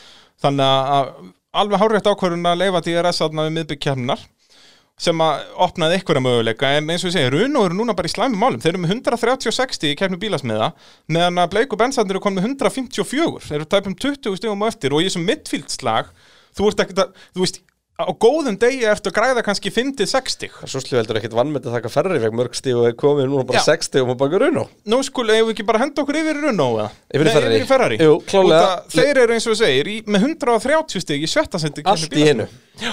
Um, Leclerc 12 í tímatökum Fettel 11 Leclerc klára fjórði Fettel þriði ræsingin hjá Fettel var geggjuð. Þetta er svona eiginlega, þetta var ekki jafngóður fyrstirhingur og hjá Rækonin hér í Portamá, en þetta er einmitt Já, svona þa- en farið þar á líka var þetta bara og horfið einhver á þetta. steik, sko. Já, já, en farið þið hlustendur inn á YouTube og horfið á hana fyrstirhingi af Vettel En þetta er ekki geggjað. svona að horfa á fyrsta ringi, þetta er bara fyrst tvær beðnar Já, já, og svo býður eftir að Hamilton gerir mistök. Já, það er alltaf gaman að því. Já, Já, það er bara á Formule 1 síðun á YouTube er þetta, er fyrstirhingurinn af Vettel. En sko, hann vinnur sig úr sagt, 11. sæti í 4. sæti í fyrstu tveim Já. og næst svo upp í 3. sæti þegar Hamilton gerir mistökina aðeins enda Akkurat, akkurat og, og heldur síðan, og það var mest á þannig hann heldur þessu þriðasetti Já, bara geggjaður og var frábær, það er bara Aldi, og bara hún leið vel hann Bílingar er eiginlega bara góður undir honum og við sáum bara Fettel sem að á að mæta Já, út af þarna, sem sagt, maður verður alltaf að miðan við liðsfélagan uh, og hann var alveg á pari við Leclerc, þú veist, Leclerc átti náttúrulega að vera á undan, tæknilega, bla bla bla, og hann gerir minnstökarna síðast, en Vettel var á pari hann, þú veist, hann var betur en hann í tímatökum. Já, og ég er bara svo ánæður að Fettel sé ekki að fara frá Ferrari með ár sem er algjört feilur Já, hann fær allavega neitt pall, já, já. Ég er svo svo og samanlega vona bara að hann nái að enda þetta núna á einhverju hæ skilja en breytnar En sem er framöndan er ekkert að bjóða upp á sko. Nei, það er einmitt það sem ég ætlaði að tala um að vissulega erum við hérna peppaðir, já, heyrðu, Ferrari bara 60 bara en eitt gæti alveg verið Já, alltaf fyrir bara ein, eitt verður ágætt, þú veist, það er bara eins og Silveston og Leclerc náði palla á Silveston En síðan fáum við Outer Circuit rugglið þarna sem er bara svona óvalstemming og það er að Ferrari eftir að vera stiga löst, spái ég. Það væri kraftaverkið að ná, þú veist, þremur um, sko Þannig að- Leclerc kom fyrstur inn hann og tók interinn á ring 7 hann var náttúrulega búin að vera hann eitthvað fastur hvað í já, var náttúrulega bara fastur hann aftarlega því að hann, hann tapar missi Magnússon og Norris sig í startinu og er bara fastur þar bara í, þú veist, 15. sæti eða eitthvað 14. Já, já, og veist, já, um, þetta er það sem við varum að tala um áðan að að þú þurftir alltaf að finna þér gott gap út af um leið og er komin í kirkassan næsta bíla, þá gerir ekki neitt. Sko að missi Magnússon Leclerc fram úr sér en samt fyrir hann fram úr Bottas og okkur þú veist, hann fyrir niður um tvö sæti. Mhm. hann er að missa fleiri fram úr sér. Hann missi líka Sainz fram úr sér. Hann missi líka Kvíat fram úr sér og hann missi Gastli fram úr sér í startinu. En Leclerc, hann var alltaf sá sem triggeraði dekkjaskipti, hann Já. var alltaf fyrstur inn. Var mjög prófatífur með það sko. Og það var alltaf bara svona allir að horfa splittíman hjá Leclerc til að sjá hvort er þetta að fara inn eða ekki. Þannig að maður áttalega eins og myndi vona á því að einhver görur sem hann myndi taka þurru en Mhm. hann alltaf komið bara svo ofalega undir restina. Já, að það borgaði þessi ekki. Um, Vettel náttúrulega, sko, við verðum að rósa Ferrari líka þeir, sest, taktikinn hefði var 100% Já, Þeir voru ekki að gera neina pitfail og ekki neitt, það var bara Nei, það er líka tjóni bara fyrirfram ákveðin eins og talum um þessu Já, tjóni bara 10, þetta var- 25, 25 Akkurat, en náttúrulega pitkrúið samt hjá Vettel, hann er hann með hvað, 5,3 sekundur eftir stoppið. Þá, þetta leit nú ekkit vel út eftir það. hann lendi hægu stopp Já, já, og ef, hann, hefði- ef það hefði verið tvekja sekundar stoppa þá hefði hann kannski alveg geta verið að berjast aðeins ofar. Þú veist, hann Fyrir framan hann tapar helling Ég meina, tíma hann var ekkert mörgum sekundum að baka Peres sko. Nei, og hann var um miðbygg keppnar var hann jafnræður ef ekki hraðar en Peres. Þú veist, þetta var ekki, þá var eh, stíplan ekki lengur. Þarna þegar að Hamilton leifur hann um að fara, hættir að pressa á hann og Vettel fær bara að keira sinn pace að þá er hann að saksa á Peres.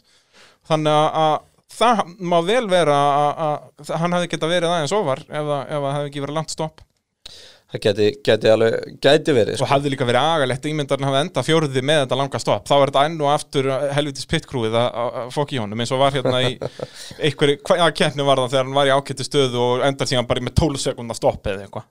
Ég man ekki hvernig það var. Já, og var á Imola. Já, það, já, var það síðast bara, já, akkurat. Þetta fer allt í eitt graut. Um, En allavega, ferri eru komin í slægin uh, um þetta þriðasæti Svona allavega um, um 15 sætið já, en ég bara sé þá ekki þú veist, run og verða hafi verið góðir á sem Þeir hlöðum eru ágætis stigarsafnum að tímabili núna sko. já, já. Þannig að kannski er bara framfæriðin í bílnum og þetta miklar. Leclerc, náttúrulega, núna er hann í fimmtasæti í mótinu, Peres náttúrulega komin upp í fjórðasæti sest, sæti sem Norris er búin að vera í eiginlega bara frá fyrstu keppni. Á, núna er Norris búin að reyna allavega niður í sjöðunda og, og Leclerc hann já, með 97 stig, Peres með 100 þannig að Peres er náttúrulega líki hörkust lag hann um best of the rest Já, þannig að þetta, þessar síðustu þrjár keppnir þó að titlarnir sem komnir í húsa þá verður uh, hörkust mikið um að lagur keppa sko. um, Hefur ekki bara að fara ykkur í Alfa Tauri þá en það ekki bara Þeir eru, voru sest, Gastli 19. tímatökum, Kvíat 16. Já.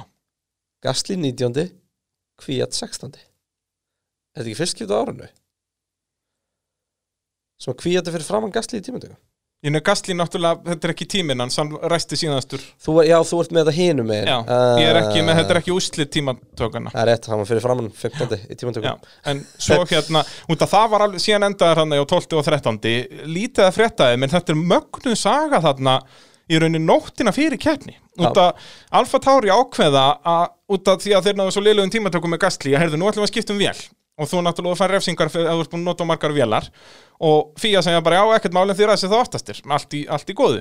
Síðan þegar liðið er hálnað með að skipta um vél, bílinn er allur í frumendum, þú veist, búið að taka hann í tvent til að skipta um vélina og allt í steg, þá hugsaður, heyrðu, út af þessum guglaflökum, það er allir að fá refsingar við skulum sleppa þessu og bara þá ræsum við bara í liggum við top 10, eða, já, alveg velinn í top 10, kannski 8. seti eða eitthvað Herðu, ringjum í Fía, við rettum því og Fía bara, heyrðu, nei, glemdu þessu. Þeir eru búin að taka bílinn í við það er engin leið fyrir okkur að vita hvað þeir eru búin að gera og hvað ekki að bara gleymi þessu, þeir eru að fara að ræsa aftastur alveg sama hvort þið skiptum við vélinn eða ekki. Þannig að hann endar á að ræsa aftastur og ræst hann ekki inn í pittnum bara. og vella með nýja vél. Já, F- finnst að þeir fengu nei frá fía en, en magnaða þarna þegar þeir eru í miðjum út að þeir voru ekkert búinir að skipta um vélina þegar þeir taka þessu ákvörðin en þá bara sagði fía bara nei, glemdu þessu Jep, en allavega ekkert meira að tala um þá hann var ekkert að tala. Alfa Romeo, Rækonin 8. tímantökum Giovanni 10. og Báðir í Q3, Já, magnað. Rækonin hins vegar klárar 15. og Giovanni fellur úr leik Bila Em, Girkassi hjá, hjá Giovanazzi Já. en hann var líka eitthvað búin að snúast og vesenast Já, og það bara kæsti á leiðin og grittið Já, hann tók verðstappin á þetta bombaði að vekka á leiðin og grittið uh, Svo náttúrulega mist hann rekordið sitt Náði hann ekki sæti á fyrsta Nei, það er vandamáli við að starta tíundi sko. Þetta er þægilegt og það startar alltaf 20. En, en þess vegna held ég sko þegar hann krassaði á leiðin og grittið þá held ég að hann myndi ræsa inn í pittnum En það var ekki, sko, þá náttúrulega hefði þetta verið fullkomið fyrir hann. Þá var hann potið tekið fram úr einhverjum. Og ég held að hann væri að reyna þetta þarna á leiðinni, sko. Hann hugsaði með sér, heyrðu, tíundi, ég er ekkert að fara að ná að taka fram úr Þetta er eina sem ég á. Ég segi þá, ég ætla að bomba vekk. Já, En já, hann, hann misti það. Lítið er að þarna Haas hins vegar Magnús eins og við tölum bara aðan Brjáli tímantökum búin að fara í það. En hann var búin að að koma sér í tíundasæti við miðbygg keppnar Já. Einmitt að þarna hafi verið duglegir í sumar að nýta sér þessar kaoskeppnir, annað en til dæmis Williams En síðan náttúrulega þetta er báður út. Magnúsin, það var klassist Haas þar Já, að þeir fest, glemda, fest ekki glemda festa dekkið. Hann dettur út að ég held Nei. En svo er allir byrtist hann aftur. Já, já, hann sess að Já, stoppar þarna á endanum bara, já, svo bara ítaður hann tilbaka, herða ekki og hann verður aftur á staðin, þá náttúrulega er hann komin mánuð á eftir næstu bílum, þannig að þeir bara retire hann bara til að spara Þannig að, og Magnúsin, þú veist, það á ekkert, ég held að hann sé búin að detta út núna átta sinnum eða eitthvað á þessu tímabili. Hann bara dettur alltaf út. Og ekkert honum að kenna alltaf sko. Nei, nei. Um, færum okkur í Williams og Russell 20. í tímatökunum eh, nei, hann ekki 20. tímatökunum hann bara var að skipta um vél og ræsti aftastur og ákveður bara ræðin á pit sem er skynsala ákvörun í þessari keppni uh, Latifi átjóndi dettur út um, og ef við tölum aðeins um sem sagt af hverju það er skinsamlegt að málið er að þegar þú ert á uh, grittinu að þá er bílinn í eiginlega svona parkfermi eins og það er kallað. Ég ætla nú bara að segja að væri ekki, væri ekki skynsalegt út af því að í þessari keppni voru alla líkur eða eitthvað djúfisins kaos í fyrstu bjöðu og ef þú ræstir henni pitt þá komstu bara auðvitað út í tóltasæti eða eitthvað, þú veist. Já, það, þeir óttuðust það en það er náttúrulega þú verður, hann er ekki sendur út fyrir allir að komni fram hjá Þú veist, annars væri náttúrulega allir að vinna með þetta Já, en ef það er krassa í fyrstu bjöðu þá má hann fara Já, já, já, það er ekki beðið eftir öllum. Nei. það er beðið eftir síðasta bíl svo lengi sem hann er ekki stopp eitthvað stára bröðinni en, en sagt, og líka er þetta ef þú byrjar inn í pitta þá máttu gera eitthvað að loka breytingar og sérstaklega í rigningu þá getur þú gert downforce meira svo hann kópi betur rigningu og allt þetta. Þannig að sniðut múf hjá þeim bara í, út af þessu öllu. Já En já, Russell þetta byrjaði nú ekki vel og hann vissi að hann að byrjaði hann inn í pitt og krassar á leiðinni inn í pittin Sest, á leið, bara um morgunin og þeir taka alltaf eitt ring á leiðin á grittið hann fer svo inn í pitt og það er náttúrulega ekki vottur að gripi á leiðin inn í pittleinið og hann bombar á vekkin þar. Já, bombar, hann ætlaði hann að skemmið framvang En erum við þá ekki bara búin að fara ágætlega yfir þessa keppni? Stór skemmtilega helgi. Þetta var frábær keppni og, og já, þá komið að þessu hér Eða að skella okkur í spáldómskeppni Pitsins. Ætlar ekki að búið jingle fyrir þetta? Ég þarf nefnilega, ég hef kannski fyrir næsta þátt að ég hendi trailer. Það verður gaman ef við gerum bara svona mót mill okkar. Já, sko ég, ég, ég kom ágætt út úr þessu. Það er rámt, Kristján. Nei, ég, Þú... ég sagði að Hamilton myndi ekki vera á palli. Hvernig virkar spáldómskeppni? Hver er bestur? Henduði út um þér. Meðan að B-hundurinn kveldgeir. Ég virði hann að spáta Takk þér Svissaðu Albon og Peres. Og ekki mikið setna núna. Svissaðu Peres og Albon? Nei, kemur ekki til mála. Ég, ég man ekki betur en ég hef spáði að, að uh, uh, já, þvottabílinn hann myndir ná góðum tíma sko. Já, B-hundurinn var líka ólsegur. Ég var náttúrulega mættur til Tyrklands. Já Hlaupandi hann það Hlaupandi hundur sem fekk mikla aðtökli fyrir ja. það sem ekki vissu að það var, það var hundur hann á brautinu Þetta er alltaf verið vandamálanna sko Er það svo leiðis? Er það svona viltir hundar? Viltir hundar sko Ok En uh, spátámskeppnin, þar uh, varst þú með Rikki Ardó, Peres, Norris og núna náttúrulega verður spátámskeppnin flóknar út af því að við erum með sko þessa reglur að þetta er best of the rest og Já. þegar að þeir, þú veist eins og Bottas og Vestappen voru þarna á bjánalugum stöðum að þá er basically bara eins og þið sé ekki í keppninni þannig að Sest, við bara mínusum þá út og, og, og, og þá er þetta bara efstu þrýr bara, þetta er til að gera þetta einfalt þetta er bara hver vinnu keppna mínus Hamilton Bottas Vestapen bara bing. Þannig og þannig að þú ert með Rikki Ardo hann náttúrulega var bara, hvað var hann ekki tíundasæti þannig að það er mínus átta á því þar. Uh, Peres, þú varst ólsegur þar það er bara mínus, mínus eitt og uh, svo varstu með Norris það er mínus þrjú þannig að það er ágætt og það er náttúrulega verðst appen kom þann inn á milli þannig að þetta slapp alveg. Ég sé að þú ert byrjað að spá fyrir um næstu keppni og mér líst ítla á það út að ég er búin að spá, ég gerir saman trikk á síðast ég setti þetta í kvítt fyrir aftan af mér. Mér sýnist þetta eiginlega að vera nákvæmlega sama á hjá mér. En við, við sjáum, sjáum hvað setur. Nei, ég, það breytist að næðis í endan En hvað varst þú með? Ég núna var ég með Rikki Ardólins og þú, það er mínus 8 Þú sérst endar með mínus 12 Þetta var svolítið helgi á þér. Já að, þannig að þú ert mínus 214 núna í heldarkeppni ég er með Ricciardoli, Klerk, Gastli og, og Klerk var alveg eins og Peres það er bara mínus 1 þar en Gastli náttúrulega kveldskitt og það munið eins og ef að Bottas að það ná að vera undanunum þá er það grætt tvö stygg sko, þetta Bottas er þá þú veist, hann nullast út. Ja. en Bottas verður einu stund á eftir hún þannig að það er mínus 8 þar, þannig ég tapa þarna 5 stegum á þig en er en þá góðum stegum á undan ég er með mínus 188 og þú mínus 214 þannig að þú þarfst að gera eitthvað bold choices Æ, ég var það, ég var það, ég er búin að breyta. Ok, hvað ætlar að gera fyrir barinn? Ég ætla að taka Rikki Stról Þú ætlar að taka Ríkjard og Stroll og Gastli Ég var búin að spá fyrir hunda, ég ger alltaf Já, Ég var þess að búin að gera Ríkjard og Peres uh, Gastli Já. og ég meiri þess að byrja á að skrifa alveg klörk og stróka þessu út Gastli og nefnir að setja inn Gastli Já. en svo byrtist spátumurinn að braga en ég ætla ekki að vera eins. Þú, þú hægleta er það út að ég er alltaf svo sniður með þetta í, í, í, að fela þetta. Og ég er sem sagt með brellugur ég er brellugur sko. Og, og ég er með Ríkjard og Peres og Leclerc og þetta ég horfið bara á sérst næstir barinn sérst á Silverstone. Já, ég horfði bara basically á hvernig Silveston fór og kopiðaði það bara, fyrir utan að Peres var ekki Silveston Pældi því, Peres er núna best of the rest í keppni ökumanna og hann er búin að sleppa tveimur keppnum. Peres sem að skora stig í öllum keppnum sem hann byrjar. Já, algjörlega. Veistu hvað er hinn? Er Hamilton búin að skora í öllum? Öllum sem hann byrjar. Já, öllum já. Hamilton er búin að byrja allar. Já, En- hann, hann hefur aldrei dottið út, já, það er Já. rétt. Já, hann er náttúrulega á þessu stríki á alveg rétt, já, já, já. Það auðvitað. er svo störtlað að gæðin sem er búin að skorast í öllum keppnum sem hann byrjar búin að ná velunapalli er ekki með dræf fyrir næsta Já, hann er ekki með sendi Það er einhver almesti sirkus sem að sögur að fara af, sko. Bara fáralegt Herru, er þá ekki komið að uh, þessu? Heldur betur. Spyrjið pittin Hver er tilgangur lífsins? Spyrjið okkur Facebook.com Skástrygg pitturinn Hvernig fór þessi formúli einlega? Er ekki allur orðinni þreyttir á þessum Hamilton? Var hann að klára bensínu sig? Hvernig vera ferrar í góðir? Við höfum svörin Við vitum allt um Formúlu 1 Jú, það eru Facebook-kommentin indislu Við fengum já, fullt af spurningum og, og eiginlega allar þeirra eru mjög áhugaverðar. Við erum oft, sko, þetta er oft bara fyrir sama hlutin bara hvenar allar albón að hætta og kemur Hulkenberg aftur og eitthvað svona. Nú er þetta, mér fannst þetta áhugavert núna. Andri, Andri Viðar spyr, er Bottas orðið nýja spindrottningin? og ég vettel tók ekkert spinn svo í minn og það er alveg rétt, en það fekk hann trailer. Og það var hérna hvað heitir hann sem sem að kommentaði hvort hann fá gera okkur lag. Hann þarf að fá sjátt hérna, það er Óli Jón Gunnarsson.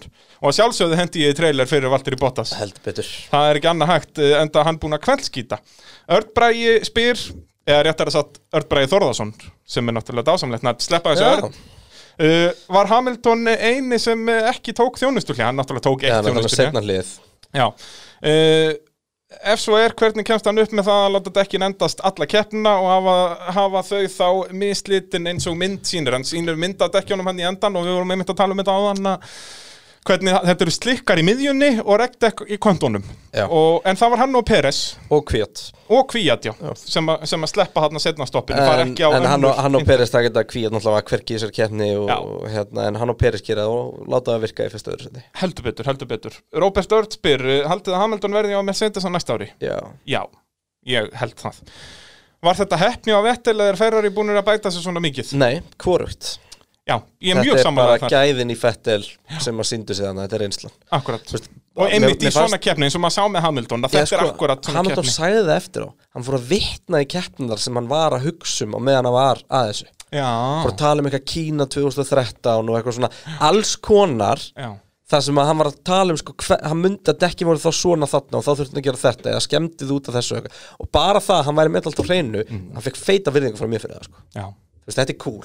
já ég minna, sko vandamáli við Hamilton hann hefur náttúrulega ekki persónuleika. Við höfum oft talað um þetta hérna, hann er geggjaður aukumæður en Guðmir Almáttur hvað hann er leiðilegur eða bara svona þurr.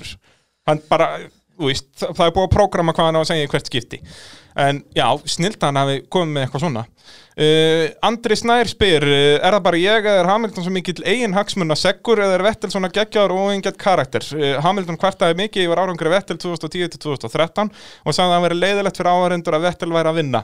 En ég hef ekki séð neitt um að Vettel sem að gera eitthvað annað en að hrósa Hamilton fyrir hans árangur.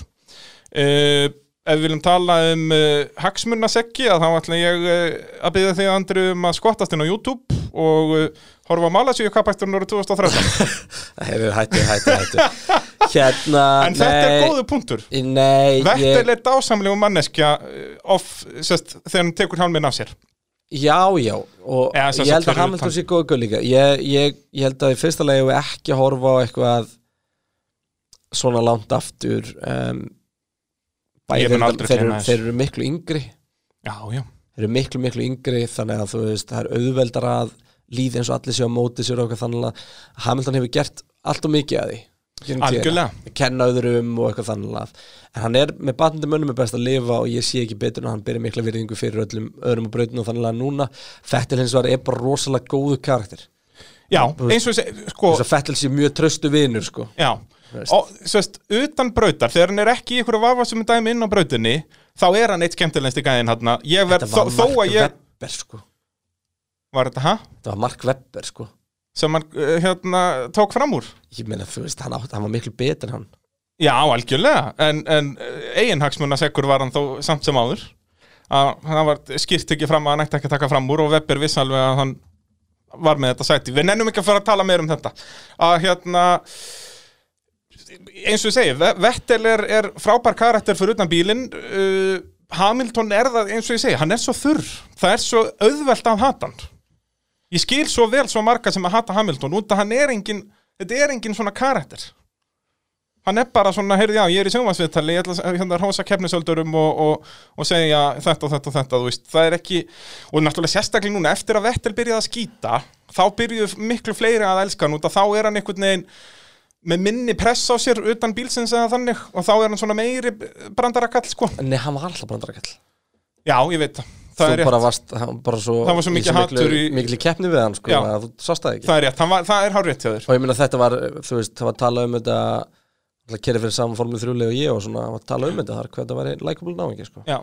Þannig að hann alltaf hugsa vel um liðið sitt, alltaf hugsa vel um alla sem er að sjá um bílinn og vinna með honum og... Já, maður sér það reyndar síðan reyndar merkilega lítið sko, samfélagsmiðlar voru ekkert mikið að auðlýsa það núna þegar alveg klerk var lengi í bílskotnum með hjálpaðum að taka saman. En ef það hefði verið vettel hafði nú sennilega Herði, við Allir- rættum það endur ekki, djúvel að fyndið að sjá Fettel, nei, Leclerc þetta aftur í hann að Dobby dæmi og byrja að lemja sjálfan sig í brautinni. Já, Hann er bara, hann er, hann er, hann svo er klikkað Já, já, hann er, dæmir sjálf sig svo mikið Já, en er þú veist. Hann, hann er alltaf berjandi sig. Já, já, hann er bara Dobby dæmi, ég kann að meta þetta referens þetta þetta er mjög gott. En hérna, já, ég er sammálaðið þar Ég sá aldrei humorhliðina Vettel í mörg ár. Ég byrjaði að sjá hana núna, sko. Ha, Hann er stórkendlur En svo náttúrulega, já, þess að milli var hann klessandi á menn viljandi og allt þetta, sko. Þannig að- að það er, er ástæða fyrir ég, ég hann mann ekki getið þið farið yfir hvernig þið haldið að staðan í heimstöðurkeppninu næst ári verði? Nei. við skulum gera það, já, ég er bara svona review þætti. Já, eða uppbyrna þetta Já, já, já frekar uppbytuna þetta fyrir næsta ár. Uh, Birgir Ágúst er fyrir nóg fyrir okkur, það er blessa. 2-3 mánuði fyrir okkur til að dreipa þannig að Við, við munum að- farið verið þetta allt saman í vendur Birgir Ágúst spyr uh, Var Peris að tryggja sér Red Bull sæti á næsta ári? Nei. Nei, ekki að tryggja sér, hann var að koma Þetta sér var betur ekki í að þennan koma pott. hennum á óvart með Peres Það vita allir að hann getur þetta. Þetta snýst er ekkert þetta? Þetta snýst ekkert um Peres. Nei, Jafn steikt og það er. Veit, þetta, þetta er svo undarlegt. Og við höfum eftir að ræða þetta mikið í vendur Ég held að Peres er. ekki drauma karakterin til að við liði sko. Jú, sko 30 ára Peres. Er það? 22 ára Peres myndi ég ekki vilja hafa neinstæri kringum mig Nei, hann pikkaði fætið alla sko. Já, bara Jenson Button hataði hann og Jenson Button er með mesta jafnægið sem þú finnur í Formule 1 ökumanni sko. ja. Þannig að, að jú, jú, það er svo sem góða punktur og við höfum talað um þetta þeir hérna yfir, hvað heitir hann, Helmut Marko og hann fílik bara ekki Peres Já. Og þú veist, það er eitthvað þetta, er eitthvað svo leiðis, ég minna það, fyrir enn venjulega áhorfenda sem er að sjá hvað er að gerast á brautinu, fattar maður ekki af hverju Peres er ekki löngu búin að fá þetta sæti. En, en það er eitthvað pólitíkan í, í kringum. Uh, Hilmar Vegar spyr uh, er ennþá líkur að Hulkenberg hvað sæti á Red Bull, þetta er svona Já, já. sama spurning. Þetta er bara saman spurningin. Já. Þetta snýst ekki um Hulkeberg Nei, og, og eins og segi, við munum fylgjast vel með þessu Það er bara svo leiðis, Sigvartur okkar maður að vettvangi spyr, eh, er ekki komin tími á að eh, setja upp sprinkler system við brautirnar til að gera keppni, komandi keppnir aðeins áhugaverðari? Börni vildi alltaf gera það Já, Börni kom með þessu Og hugmynd. enn eitt risa sjátóti og kvata sem spyr þannig að þetta er maðurinn á bakvið uh, Grafíkina. Grafíkin okkar og láta okkur líta okkur út. Okkar maður á vettvangi. Uh, ég, Þetta er uh, nei hjá mér, þetta er það sem ég talaði með hann, við megum ekki á jólinn allan dag Já. Við verðum að hafa þetta svona, þú veist, e- ef að menn vilja svona keppnir alltaf, hættið að horfa á Formule 1 og horfa á Formule E. Já, það má samt alveg líka bara fara á, já sko, Formule E-kemnir er búin að gegja þér ár. Já, nei, sko, en ég, nefnilega, ég bara get ekki hort á Formule E út af því allar keppnir eru svona, þá finnst mér það bara ekki spennandi. En sko- Allir eru að klessa á alla í annar hverju beigju og, og það er Ég- alltaf mi- mismunandi úslit Ég var alveg til að sjá okkur fara á brautir ekkit endilega bara á tímanum sem á að vera gegja við þeirar Já, Þú veist, ég er alveg til að auka líkunar á regningu og, en samt náttúrulega verðum að passa þetta sko, menn hægt að reyna þetta í Asíu bara út af því að rigningin Já, bara eitthvað koma- monsoon dæmi, Já, sko. En eins og í Evrópu má þetta alveg bara út af þá er bara rignir en þá kemur ekki er hvirfilbyljur og líkur á rigningu á haustin skilur. Akkurat, akkurat. Uh, Agnar Ingi spyr Binotto sleppir því að mæti keppni og endi þriða og fjórða. Er Binotto drekinn? Nei, Binotto er ekki dregin, ekki ennþá. Nei, en þetta er, ég sé mikið að svona conspiracy theories um þetta Binotto sé að rugla í Vettel og, og er að reyna að sabotasa og þetta er allt kjaftaði en, en þetta, er, þetta er mjög svona áhugavert að loksis er hann ekki að Eitthvað- og þá er það bestu úslit liðsins. Eitthvað inside job. Já, nákvæmlega. Uh, Kristinn Már spyr, er Stroll nýji Fisichella? Svona áhugaverð spurning. Sem sagt, Giancarlo Fisichella kefti hérna frá eitthvað 96 til 2000 og hvað var það? 7, 8 eitthvað svo leiðis, 9 og já, 9 allavega, já, 10, Almost 11 famous. Hann var, já, hann var í Ferrari, Já. vissir það? Já, ég man Hann eftir því fekk Ferrari sæti þegar massa slasaðist. Og gerði það ekki vel Gerði það ágætt, þá er hann í Force India. Ástæðan fyrir ekki- hann færi þetta er út af Force India voru geggjaðir á Monza. Nei, á Spa. Nei, á Spa. Helgin undan. Já, Og þannig að hann fær Ferrari sendið á Monza En náttúrulega Force India bíl þeir, Það var svo sniðut hvað þeir gerði alltaf. Að Þeir hönnuðu bíl bara fyrir Monza. Skita á sig öllum brautum og svo verður alltaf að palla á Monza. Æ, hérna Það er ekki samt vesti. Hvað hét hann sem kom hann í smá stund í Ferrari? Já, hérna sem var hérna testdræfur hann tók eitthvað nokkur tímabil með Minardi in the 90s ba Bar Barotti, Barotti Já, leiðis Luca Badoer. Badoer, já, og Luca hann var á, Badoer. á Ferrari bíl sem Ikonen var að berjast um sigur á. Já, og hann var bara eins og hann var á Williams núna. Nei, verri, miklu verri. Mik Hann var ringaður nokkru sinnum, sko. Hann var bara, þú veist Ef að ég hefði hoppað í bílinn, þetta var að pari við það Hann var alveg, þetta var Og síðan, hann tók hann ekki Hann tvær keppnir Hann var tveimur sekundum hægari í tímatökum Já, nákvæmlega Og hann var sem sagt í, í, Nei, nei, í tímatökunni var hann 20. og síðasti einn og halvri sekundu hægara heldur Hæmi Alguer Sari sem var í 19. sæti á skútur í að Rosso en, Og hann var, á- sömu á æfingunni var hann fjóru sinni nappaði fyrir að kera úr hrattinu og þjónusveðinu Já, hann var ándjóks eins og bara ég myndi keppi í næstu keppni Bara heyrðu, prófaði þetta, þetta getur verið gaman. Og þú veist, þetta var bara Ferrari að vera lojal Þú veist, hann var búinn að keira í ringja á Maranello stanslust alla daga 24-7 í svona góð 15 ár.